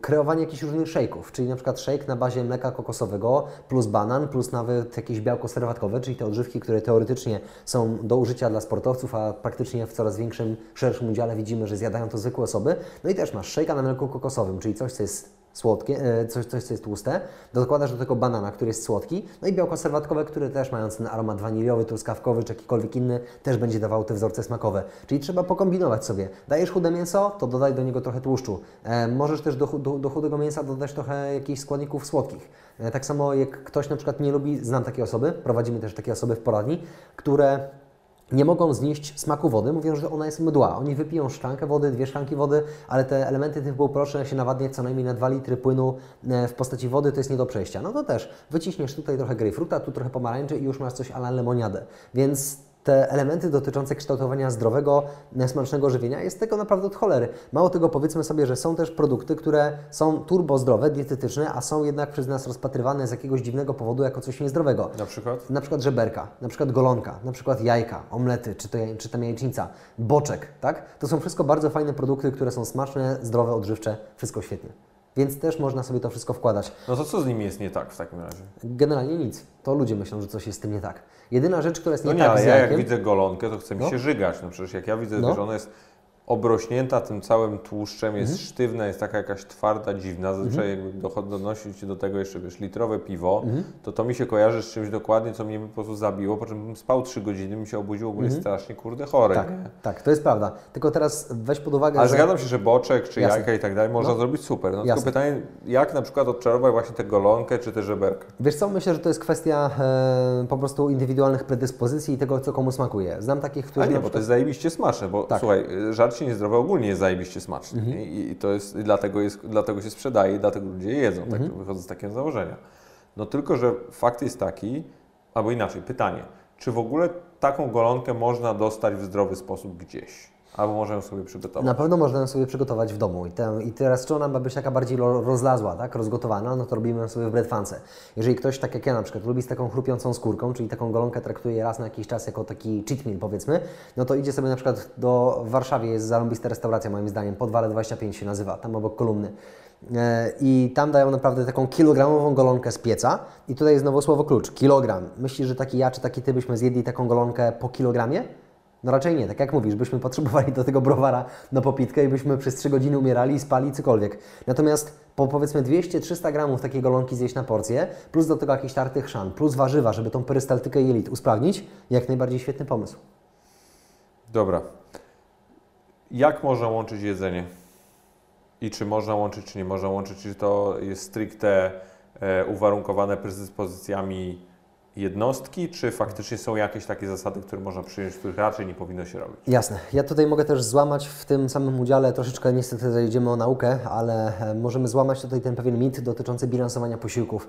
Jakbyś popatrzył sobie na większość rozpisek dietetycznych, to każdy z tych trzech, czterech czy pięciu posiłków dziennie zawiera w swoim składzie jednocześnie białka, tłuszcze i węglowodany. I tak każdy. Białka, tłuszcze, węgle, białka, tłuszcze, węgle, cały to czas. jest, Tak, to jest właśnie pytanie, które ja sobie bardzo często zadaję ostatnio, czy to faktycznie tak powinno wyglądać. Nie do końca. Z tego względu, że nasze mitochondria, czyli piece komórkowe, te podstawowe jednostki, które budują energię, którą potem spalamy i tak dalej, wiesz, tam kreatyna, ATP, takie różne rzeczy, to one nie lubią być przeenergetyzowane, bo bardzo często człowiek popada w tak zwaną insulinoporność, czyli to schorzenie, które prowadzi do cukrzycy typu drugiego, więc zbyt dużo w pasie, w biodrach, w udach i tak plus oczywiście zwiększone ryzyko zapadalności na choroby sercowo-naczyniowe, bo to też trzeba sobie powiedzieć, że ludzie zazwyczaj mają te blaszki miażdżycowe nie od tłuszczu, nie od cholesterolu, tylko od cukru i innych zaraz. elementów prozapalnych.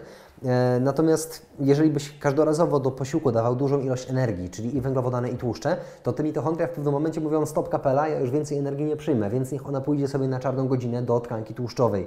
E, Więc ja jestem bardziej zwolennikiem diety tak delikatnie rozdzielnej, czyli robić albo posiłek białkowo-tłuszczowy, w którym dajemy tylko niewielką ilość węglowodanów, lub też posiłek białkowo-węglowodanowy, w którym dokładamy niewielką ilość tłuszczów, naprawdę niewielką. I teraz przykład.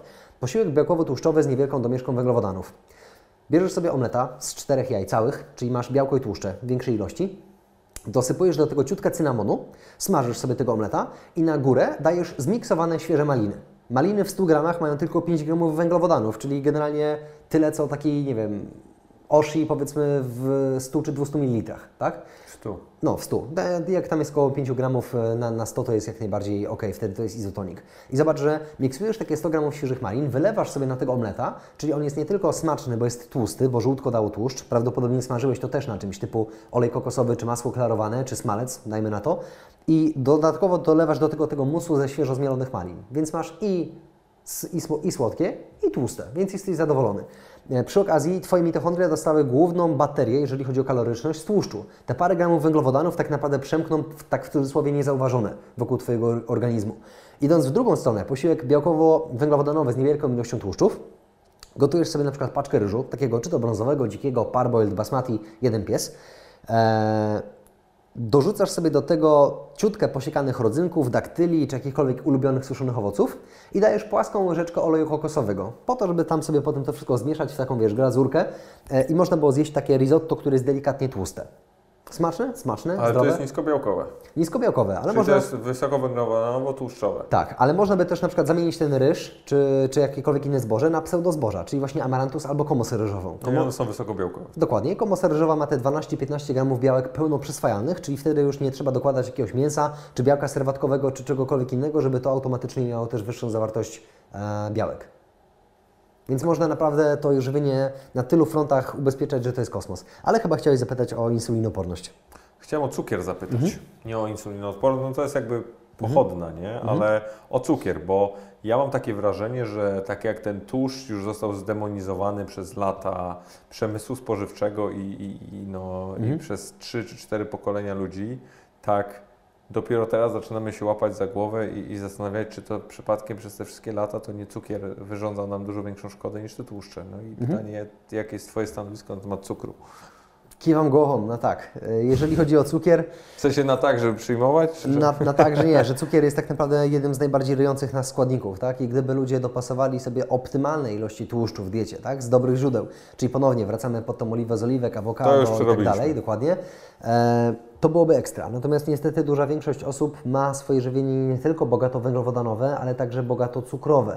E, I kłopot polega na tym, że zobacz, takie standardowe śniadanie wielu Polaków to jest pewnie albo jakiś taki batonik zbożowy, wzięty gdzieś tam w żabce, w mapce, czy gdziekolwiek indziej, albo drożdżówka, albo pączek, albo jakiś smoothie, tak, który generalnie no, też jest po prostu stężonym cukrem, tak? No fajnie, że tam jest jakiś mango, że jakaś marakuja, jakieś inne wszystkie owocki, ale mimo wszystko to jest 300 ml płynu, który my wypijamy, a normalnie musielibyśmy trochę się napracować tą szczęką, żeby takie jabłko, czy ananas, czy jakiekolwiek inne, mm, inne owoce zjeść i dostarczyć równowartość tego cukru, który jest w tej pulpie owocowej zawarty.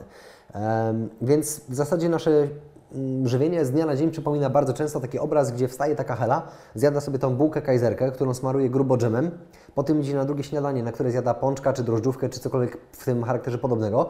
Potem jest obiad, na który pójdzie sobie na naleśniki scukrzone z jakimś tam, nie wiem, serkiem twarogowym słodkim plus dżemik.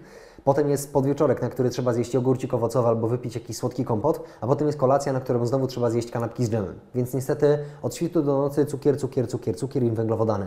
E, jeszcze byłoby to w miarę wybaczalne, tutaj kładę nacisk na w miarę, dla osób naprawdę mocno usportowionych.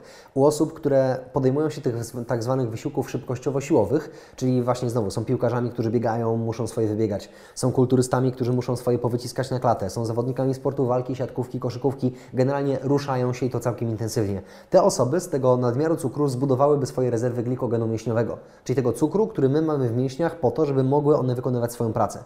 Natomiast pytanie, jak wygląda zużycie glikogenu takiej heli księgowej, która jedzie swoim matizem do pracy, tam siedzi, wklepuje w jakiś subiekt czy inny program do księgowania, po czym wraca z tą swoim matizem do domu i karmi koty i ogląda mnie jak miłość. Czy ona się gdzieś rusza?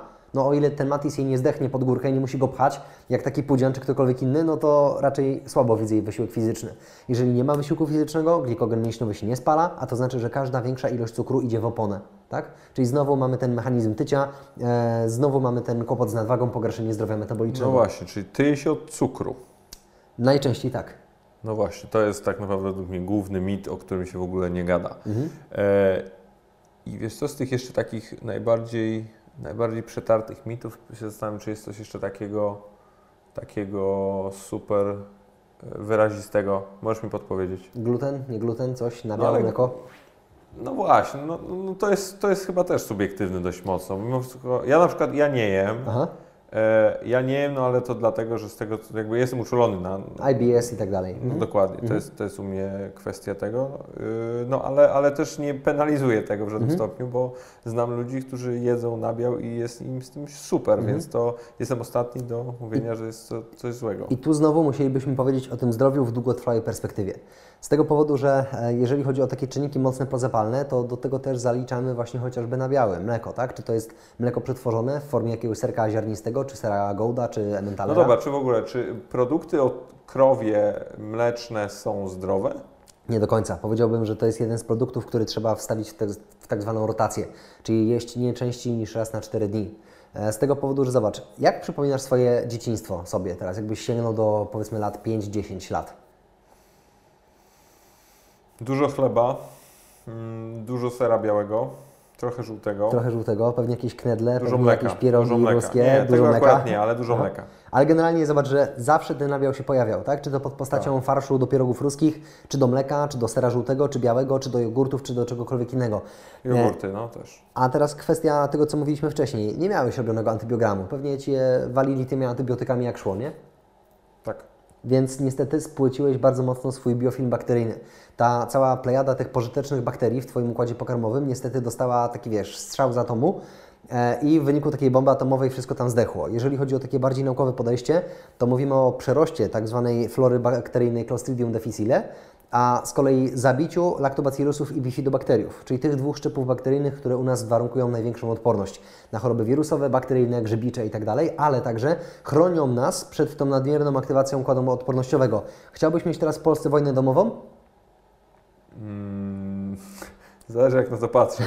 Ale Nie. tylko w hardkorowym ujęciu, nie? że wychodzą Nie. gliniarze i tak dalej Nie. Tak samo chyba nie chcielibyśmy mieć wojny domowej w naszym organizmie. A. Bardzo często w wyniku spłycenia tego biofilmu bakteryjnego, niestety nasz układ odpornościowy zaczyna nadmiernie atakować tkanki swojego ciała wobec czynników, które teoretycznie są niegroźne. I tu mówimy o silnych alergenach, takich jak właśnie gluten czy białka mleka krowiego. I tu nie chodzi nawet o laktozę, czyli ten cukier mleczny, tylko o białko, który jest w każdym produkcie. Czy to jest ser, czy to jest jogurt, czy to jest ser żółty, biały, No właśnie, bo laktoza jest też zajebistym mitem. To takie, bo wszyscy myślą, że laktoza jest białkiem, tak Mhm. jak gluten na przykład jest białkiem pszenicznym, no to laktoza jest cukrem. Ja, dokładnie. Laktoza jest cukrem, który występuje w mleku, natomiast białka i tłuszcze to też występuje w serze żółtym, w białym, w jakimkolwiek innym. E, I wracając do tego wszystkiego, jeżeli e, w twoim, w twoim jelicie powstały te wszystkie szczeliny, tak? czyli te tight junction, te połączenia ścisłe, które porównywaliśmy do palców, utraciły swoją swoistość. Jeżeli masz stymulowane stany zapalne, to niestety takie mleko krowie nie służy Tobie i te efekty negatywne po jednej dawce są nawet w stanie utrzymywać się do 96 godzin. Tutaj jakby ktoś chciał sobie sprawdzić te słowa, to niech sprawdzi sobie takie e, elementy jak śluzotwórcze IgA, czy też e, aktywację im IgG, tak? tak zwane nieswoiste nietolerancje pokarmowe. Pamiętaj, że my mówimy w ogóle do ludzi, którzy się badają trzy razy w życiu. I jasne, pewnie Bardzo tak. To- To nie, a właśnie, dobra, zaraz do No. tego przejdziemy. Inaczej, nie, teraz do tego przejdziemy. Jak często powinniśmy się badać? Generalnie raz na kwartał, na pewno. Czyli to co trzy miesiące. Pod, podstawowa morfologia, mocz, jakieś, jak, jakie badania Ty polecasz, tak żeby robić w miarę regularnie? Mhm. Żeby robić w miarę regularnie, Tak, żeby, żeby to też. w miarę i, i, i nauczyć się je w pewnym sensie interpretować. Okej, żeby było to w miarę regularnie i żeby się nie zabić też cenowo, to poleciłbym na pewno zrobić tak. Morfologia ogólna z rozmazem, to jest bardzo ważne, bo to e, gdyby ktoś chciał kiedyś, nie wiem, wie taki podcast bardziej zaawansowany czy coś, to możemy o tym pogadać, ale w morfologii z rozmazem to jest tylko 4 zł więcej, a dla mnie, dla specjalisty jest to zdecydowanie większa ilość informacji. Morfologia ze zmazem, no. Dokładnie. Glukoza, insulina, czyli patrzymy na gospodarkę cukrową, czy jesteśmy zagrożeni tą cukrzycą, czy też nie. E, profil lipidowy, czyli cholesterol ogólny, który gówno nam mówi tak naprawdę, więc lepiej jest to rozbić od razu na LDL, tryglicerydy i HDL, tak? czyli ten tak zwany dobry i zły tryglicerydy. To też nie jest tak, że jeden jest zły, drugi dobry. Tak naprawdę oba są niezbędne.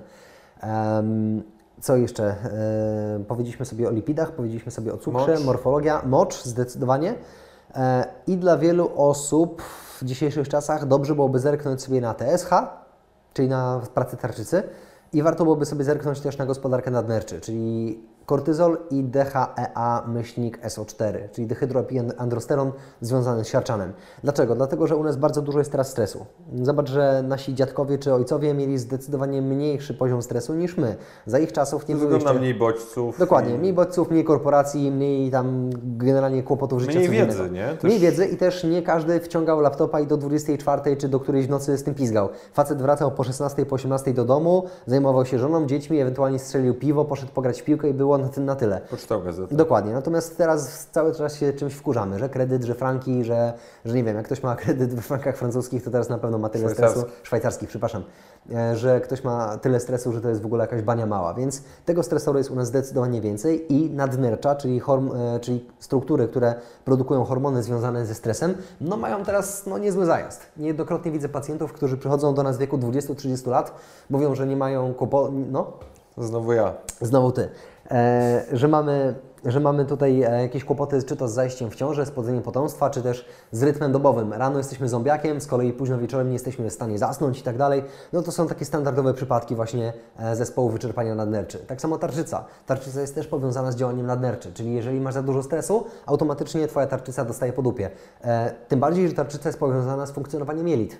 Więc jeżeli Ty od jedzenia właśnie antybiotyków, niesteroidowych leków przeciwzapalnych, leków na zgagę, typu jakiś prazol, omeprazol, polprazol i tak dalej, czy nawet mantireni, ranigast, te wszystkie, które bez recepty możemy dostać, e, no to niestety Twoje jelita nie ogarniają troszeczkę i w tym przypadku nie ogarniają też Twoje nadnercza, tarczyca i mózg. Dlaczego o tym wspominam? Dlatego, że jelita są nazywane drugim mózgiem, E, Z tego względu, że em, mówiliśmy wcześniej o organach. I bardzo często mówimy też o tym, że mikrobiota jelitowa, czyli te pozytywne bakterie naszego układu pokarmowego, ostatnio badacze sklasyfikowali to jako organ, tak? Wiele osób przez antybiotyki i inne rzeczy i syfiasty styl życia tego organu nie ma. I nie dziwmy się, że te osoby funkcjonują zdecydowanie gorzej pod kątem zdrowotnym i rozwijają właśnie te jednostki chorobowe, które teoretycznie za 20, za 30 czy za 50 lat powinny je nękać dopiero. O ile?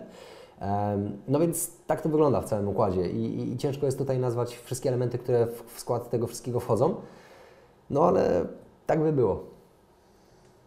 No jakoś trzeba z tym walczyć. No trzeba, tylko tutaj znowu edukacja. I teraz zapewnijcie edukację wielkoformatową, to pogadamy o tym, co można zrobić, bo ja zdaję sobie sprawę, że pierwsze właśnie takie, pierwszy taki kontrargument na to, że Polaku bądź zdrowy, to będzie, o jakbym zarabiał tyle, co ten i tamten, to by żył zdrowo. No i tutaj znowu trzeba zaproponować nawet takie naprawdę proste, ekonomiczne menu, które każda rodzina z nie wiadomo jakim budżetem mogłaby sobie pozwolić. No i, no i potem tylko jechać dalej z tym towarem, nie? Pogadajmy chwilę o sporcie, bo, mhm. no bo to jest taka wiedza bardzo przekrojowa, że jestem przekonany, że ktoś mimo wszystko jest w stanie z niej skorzystać. Tak też był mój cel na, mhm. na część numer jeden, ale mimo wszystko no, chciałbym też e, Tobie zadać parę pytań o to, w jaki sposób mimo wszystko różni się e, ta no, dieta sportowca i, i, i co tak naprawdę faktycznie wpływa na to, że dany sportowiec jest lepszy, a drugi gorszy. Bo ja jestem przekonany o tym, że dieta jest bardzo niedoszacowana, jeżeli chodzi o znaczenie i bardzo niedoceniona. I, i chciałem się Cię zapytać, jakbyś tak miał holistycznie spojrzeć na sportowców, to procentowo ile, jak bardzo na nich wpływa żywienie? Jak, jak wiele może zmienić? Wiesz, no można by rzucić to hasło fitnessowe, tak? Czyli 80% sukcesu w sporcie stanowi dieta.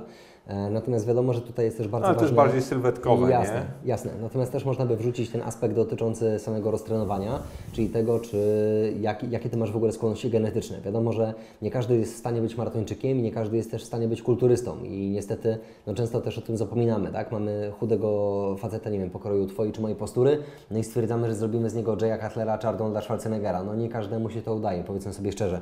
I to jest na podstawie rozkładu włókien mięśniowych, czy one są wolno kurczliwe, szybko kurczliwe. Jedne lepiej reagują na te bodźce siłowe, drugie gorzej. No i dlatego ktoś jest w stanie od tak przebiec półmaraton, a z kolei dla takiego osiłka, no to półmaraton to wypluwa swoje serce, płuca i wszystko po kolei. Mamy oczywiście to żywienie, mamy kwestie dotyczące tego treningu, tak? czy to jest mikrocykl, mezocykl, makrocykl, odnowa biologiczna i tak. Natomiast jak to wygląda w aspekcie dietetycznym? Powiedziałbym, powiedziałbym tak, że na samym początku mamy te zasady dotyczące zwykłego Kowalskiego, czyli znowu użyj tego, co użyteczne, odrzuć to, co mhm. zbędne, dodaj coś od siebie. E, natomiast u sportowców też jest bardzo ważna taka bardziej zaawansowana kalkulacja. Jak mamy pod opieką jakiegoś zwykłego człowieka, to przede wszystkim go edukuję i mówię, odrzuć to, używaj to i plus minus te posiłki powinny tak wyglądać. Ale to, czy ten człowiek zje 1700 czy 1950 kalorii, to nie jest dla mnie jakoś super ważne. Natomiast u sportowców faktycznie już nie tylko jakość, ale też ilość ma znaczenie. Więc muszę pokazać, czy, e, czy taki Michał Materla będzie potrzebował więcej dni, gdzie ma powiedzmy 4 czy 4,5 tysiąca kalorii, a ile mu zrobić tych dni 2000 kalorii, żeby powoli mu ta waga gdzieś tam też schodziła, bo powiedzmy za dwa miesiące jest jakieś KSW i trzeba wystartować z wagą 84, no a Michał na co dzień waży tak bliżej 95-96. Więc trzeba to też zrobić w ten sposób, żeby Michał miał energię na te 12 czy 15 jednostek treningowych, żeby miał siłę na te wszystkie aspekty dotyczące no, pracy z mediami, tak, jakie, do jakich KSW go obliguje. E, I na tak naprawdę no, też funkcjonowanie, no bo Michał jest też e, jest mężem, jest ojcem dwojga chłopaków i tak dalej, więc też musi mieć trochę prądu na takie działania rodzinne. E, suplementacja też jest na dużo bardziej wyśrubowanym poziomie niż u zwykłego Kowalskiego. U Kowalskiego mówimy najczęściej o tych standardowych aspektach, tak? czyli probiotykoterapia, więc jakiś probiotyk monoszczypowy czy wieloszczypowy, witamina D3, K2, witamina A, no i tak naprawdę z grubsza to by było na tyle. Natomiast u sportowców możemy to podzielić na typowe aspekty suplementacji dotyczące standardowej dietoterapii, plus potem ich specjalizacja sportowa. I to też nawet nie wokół tego, czy mówimy o, o kimś z MMA, czy z piłki nożnej, ale też w jaki konkretny dzień, jakie on ma treningi. No przecież też mamy...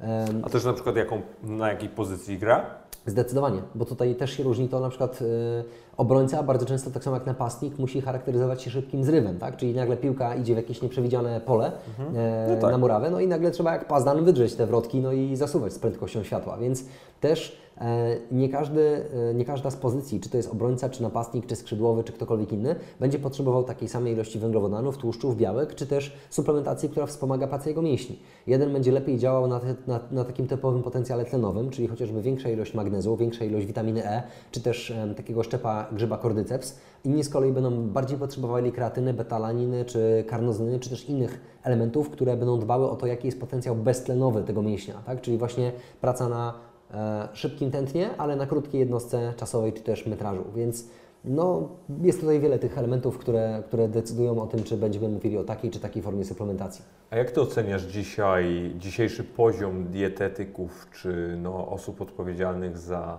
za dietę w klubach sportowych albo ogólnie w sporcie oraz samych już sportowców? Wiesz co? Szczerze. Jest ciężko i tutaj nie chcę gdzieś tam siebie stawiać w roli lidera, czy tam wiesz, mistrza świata i w ogóle, ale jest tak, że to idzie dosyć powoli. Faktycznie na Facebooku mi tam migają coraz bardziej właśnie, czy to cateringi, czy, czy właśnie mm, współpraca z jakimiś sportowcami, Zaraz się zapytam Cię o te kategorie. Jasne, gdzie widzę, że jest to powiedzmy w jakimś tam sensie mm, kierowane moimi koncepcjami i to super. Bardzo się cieszę, że komuś to podłapało i że ci sportowcy też zauważyli benefit wynikający z tego prowadzenia. E, Natomiast niestety co do klubów sportowych, to tam bardzo często jest tak, że bierze się po prostu jakiegoś pierwszego lepszego gościa, tak? Bierze się pierwszą CV z góry albo kogoś, kto ma po prostu doświadczenie, czy też mnie nie chciał, no i, taka osoba działa. I tutaj wielokrotnie właśnie jak mieliśmy mm, doświadczenia z takimi zawodnikami, jak czy to Zbyszek Bartman z siatkówki, czy właśnie, e, czy właśnie Igła, tak, więc e, Krzysiu Ignaczak z siatkówki, e, czy też inne sporty drużynowe, no to mówili, że tam stary, wiesz, to jest po prostu beton, nie? że oni sami jako jednostki zgłosili się, oni widzą tą potrzebę tego posiadania żywienia na wysokim poziomie, no ale zarówno i trener, i włodarze klubu, i sami zawodnicy, no po prostu kładą laskę na to, nie? Idą sobie na pizzę, popiją browarem, zagryzą miśkami Haribo i jakoś to będzie, nie?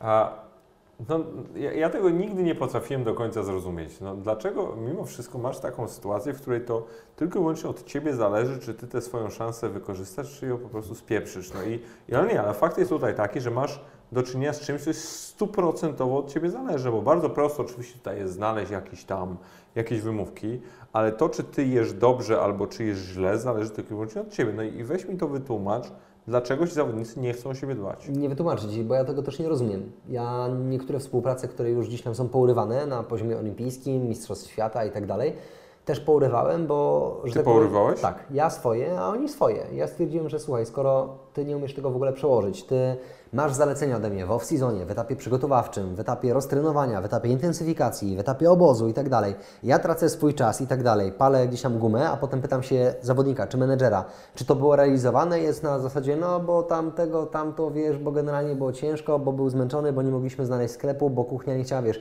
milion wymówek. No to mówię, no to sorry, ale słuchajcie, mnie jest szkoda i mojego czasu, i mojego poświęcenia, zaangażowania i Waszych pieniędzy, żeby coś takiego kultywować dalej. Idźcie w pokoju, krzyż na drogę. E, bo ja tego też nie rozumiem, tak jak mówisz, jest ktoś, kto ma talent, kto może naprawdę, e, no nie zaglądając nikomu do kieszeni, ale jak niektórzy czołowi piłkarze, zarobić kupę szmalu i ktoś to olewa. No to to jest moim zdaniem świadome tak naprawdę strzelanie sobie w kolano.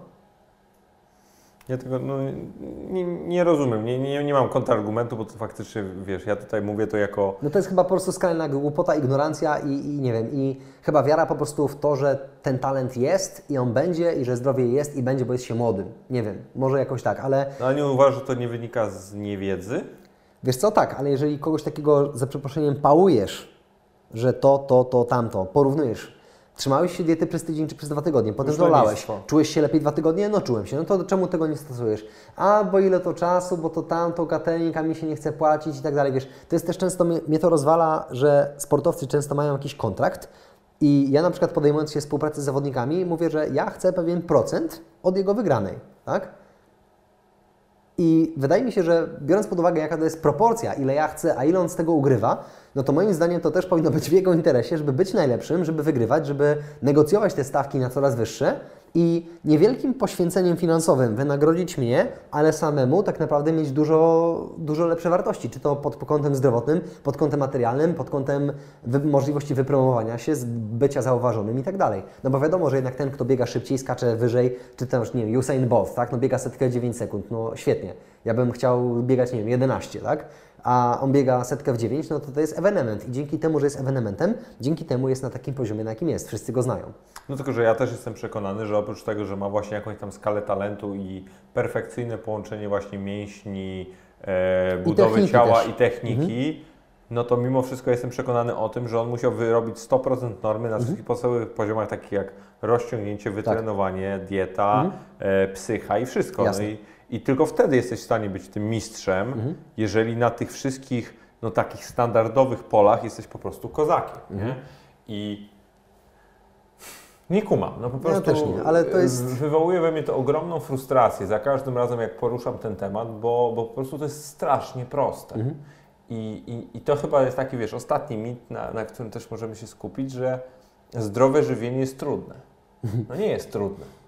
Znaczy jest i nie jest. Jeżeli wiesz, Jeżeli masz takiego przewodnika, który Ci powie właśnie to jedz, tego nie jedz i tak dalej, czyli tak naprawdę no, taka dietetyka one-on-one, tak? takie podstawy, e, to jest tylko kwestia stosuj się, tak? I to już wtedy nie jest trudne, ale ja się zgadzam z taką, e, zgadzam się z tym, że żywienie potrafi być trudne wobec frustracji, którą niejednokrotnie widziałem wśród podopiecznych na poziomie czy to bardziej amatorskim, czy zawodowym, na zasadzie, że no ale przecież jajka są złe, nie? Ja mówię, nie, no jajka są dobre. On już po prostu rozkłada ręce, a on czytał wypowiedź jakiegoś doktora, profesora, kogoś tam z uczelni, nam swojej dziewczyny, dietetyczki, coś tam, coś tam i pokazywała mu taką tekę, że jajka są złe.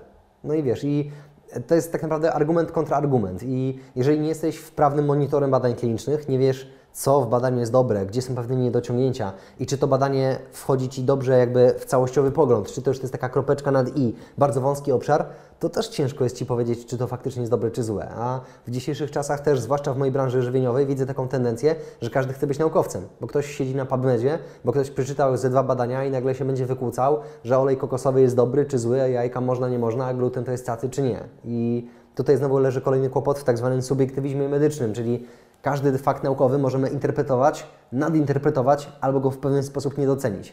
No i potem niestety masz taki, taki obszar, jaki masz, czyli co telewizja śniadaniowa, to jest inna osoba, która mówi, że coś jest zdrowe i niezdrowe. No i w kontekście tego, czy żywienie jest trudne, czasem faktycznie ci biedni ludzie nie wiedzą już na czym się oprzeć. A jak bardzo my dzisiaj, albo no nie, bo to będzie tendencyjne, czy dzisiaj my bardzo odbiegamy wiedzą i no, takim ogólnym świadomością na temat żywienia versus zachód albo wschód, no versus zagranica. Powiedziałbym, to jest takie może szokujące, ale powiedziałbym, że my jako Polacy przodujemy.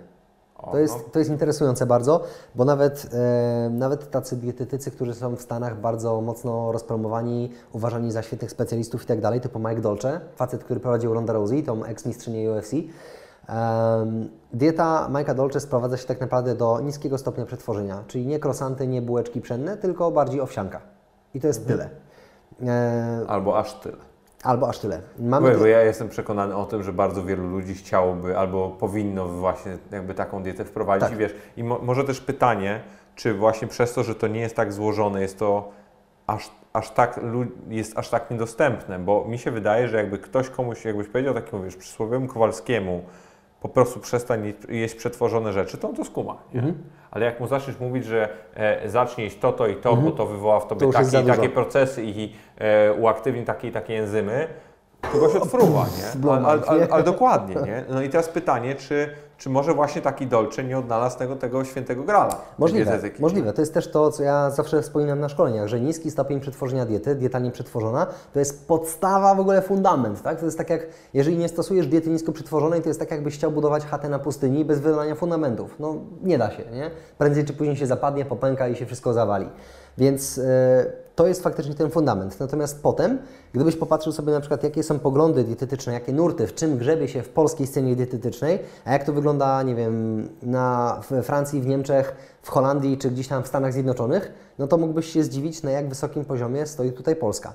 Tym bardziej śmieszne jest to, że my korzystamy z wszystkich badań, które są na Zachodzie. Więc to my tak naprawdę tutaj w Polsce badamy bardziej te zależności, które taki Fasano, nie Fasano, czy Wołek, czy jacykolwiek inni naukowcy skombinowali i my na podstawie tego tworzymy dalsze jakieś nurty, e, konferencje, niekonferencje i cały czas to się nakłada. I tutaj mógłbym powiedzieć, że bardzo duży kredyt, jeżeli chodzi o rozwój tej nauki, można by położyć na takich dwóch paniach z Katedry Żywienia z Pomorskiego Uniwersytetu, Uniwersytetu Medycznego, czyli tutaj wykonujemy machanie rączką w kierunku pani e, doktor z Żydeckiej i pani profesor Stachowskiej.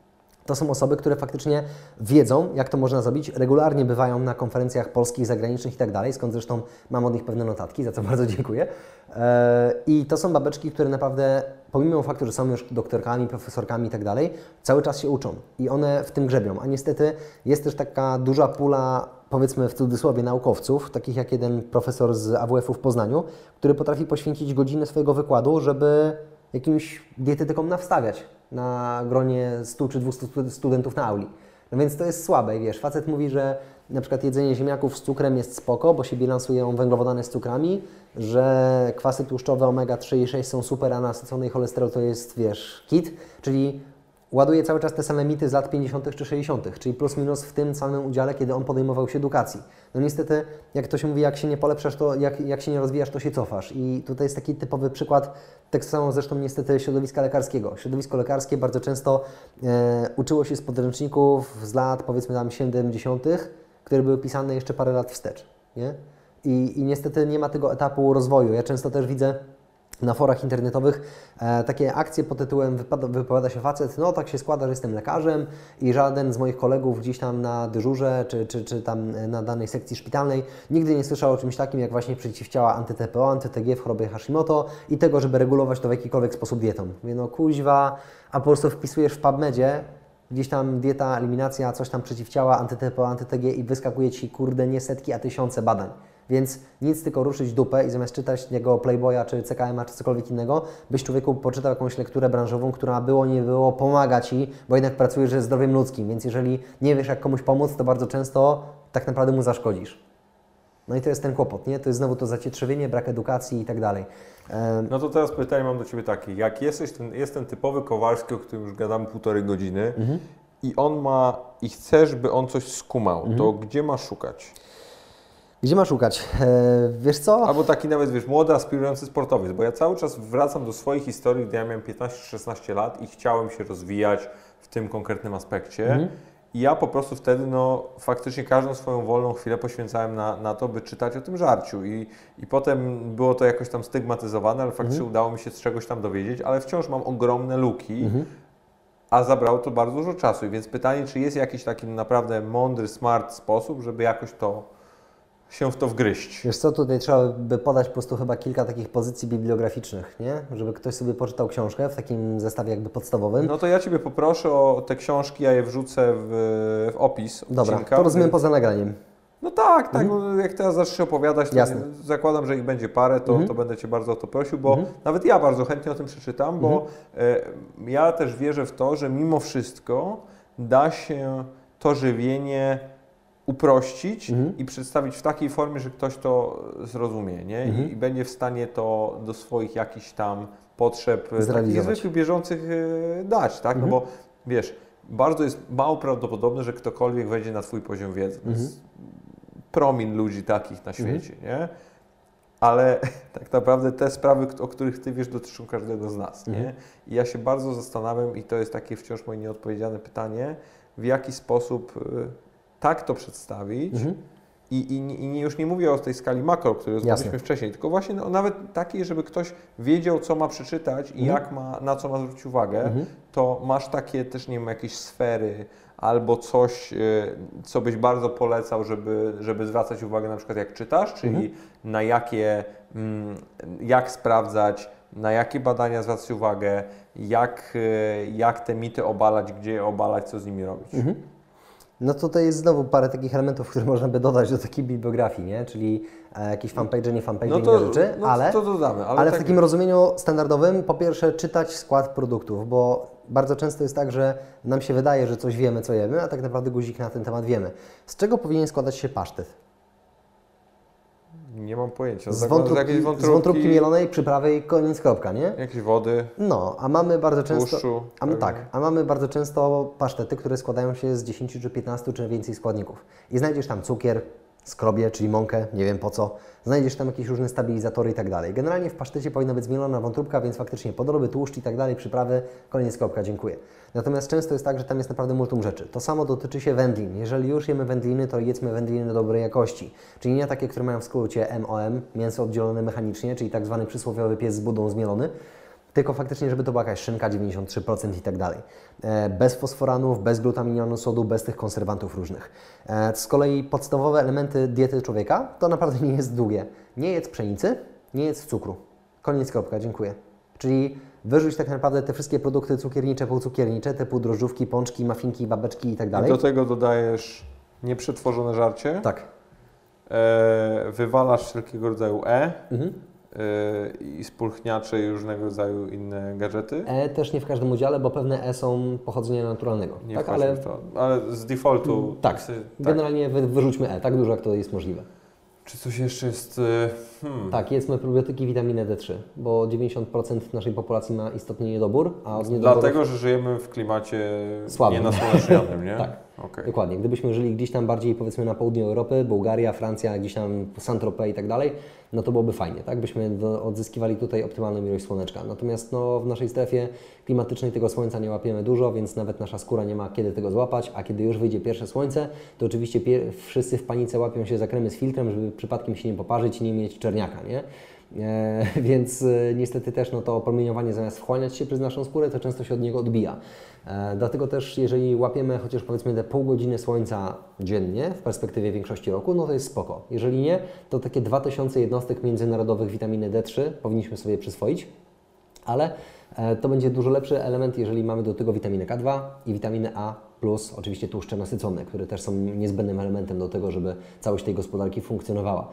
E, No i probiotyki, tak? Czyli weźmy pod uwagę, że niestety większość z nas nie jeden, nie pięć, a pewnie 10 czy 20 razy w życiu brała antybiotyki.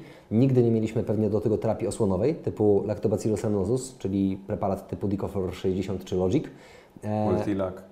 nie, to akurat To jest, to, to jest jest probiotyczny, prawda? E, Multilak to jest wieloszczypowiec, ale nie powiedziałbym, że jest taki super produkt, który zasługuje na naszą uwagę.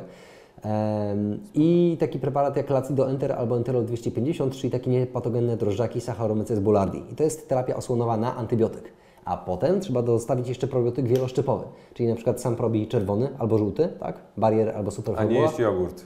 A nie jeść jogurt, dokładnie, bo tak, drodzy słuchacze, gdybyście chcieli napracować sobie odpowiednią liczbę probiotyków, to przez pół roku musielibyście zjadać ta, tarara, 8 kg jogurtu dziennie. Ile? 8 kg. To jest nie do zrobienia. Ja nie, Nie- potrafię sobie wyobrazić 8 kg No byś musiał mieć chyba lejek w paszczy wsadzony i po prostu co chwilę wylewać tam jakiś jogurt naturalny, nie? Więc to jest nie do zrobienia, mało tego byśmy nie zeszli z kibla chyba po takim 8-kilowym jogurcie, e, gdzie laktoza i tak dalej, nasze jelita by tam po prostu Boże. wybuchły prawie. No więc chcąc nie chcąc, trzeba te probiotyczki sobie zjadać, e, ale też warto zainwestować w kiszonki, tak? Więc kiszona kapucha, kiszone ogóry, kiszone wszystkie możliwe rzeczy, e, no i warzywka. Okej. Takie podstawy żywienia, nie? Ale to jest ale zajebiście ważne podstawy. No, to i, jest i prawda. wiesz, ja- to niby mam podcast tutaj y, skorelowany bardzo mocno sportowo, ale ja akurat wierzę, że te kwestie są uniwersalne i to e, zarówno sportowcy, aspirujący sportowcy, ale też e, zwykli słuchacze, którzy po prostu z tym sportem nie mają nic wspólnego, będą mogli sobie wysłuchać. Kuba, dzięki. Ja dziękuję bardzo. Fajnie. Fajnie, żeś trochę poopowiadał i, i wierzę mimo wszystko, że przy tych wszystkich Twoich specjalistycznych wrzutkach ludzie coś z tego Tak, wyciągną. jakiś, jakiś końcowy wniosek Ja się na pewno sporo dowiedziałem. Dzięki wielkie. Cieszę się bardzo, Super. dzięki.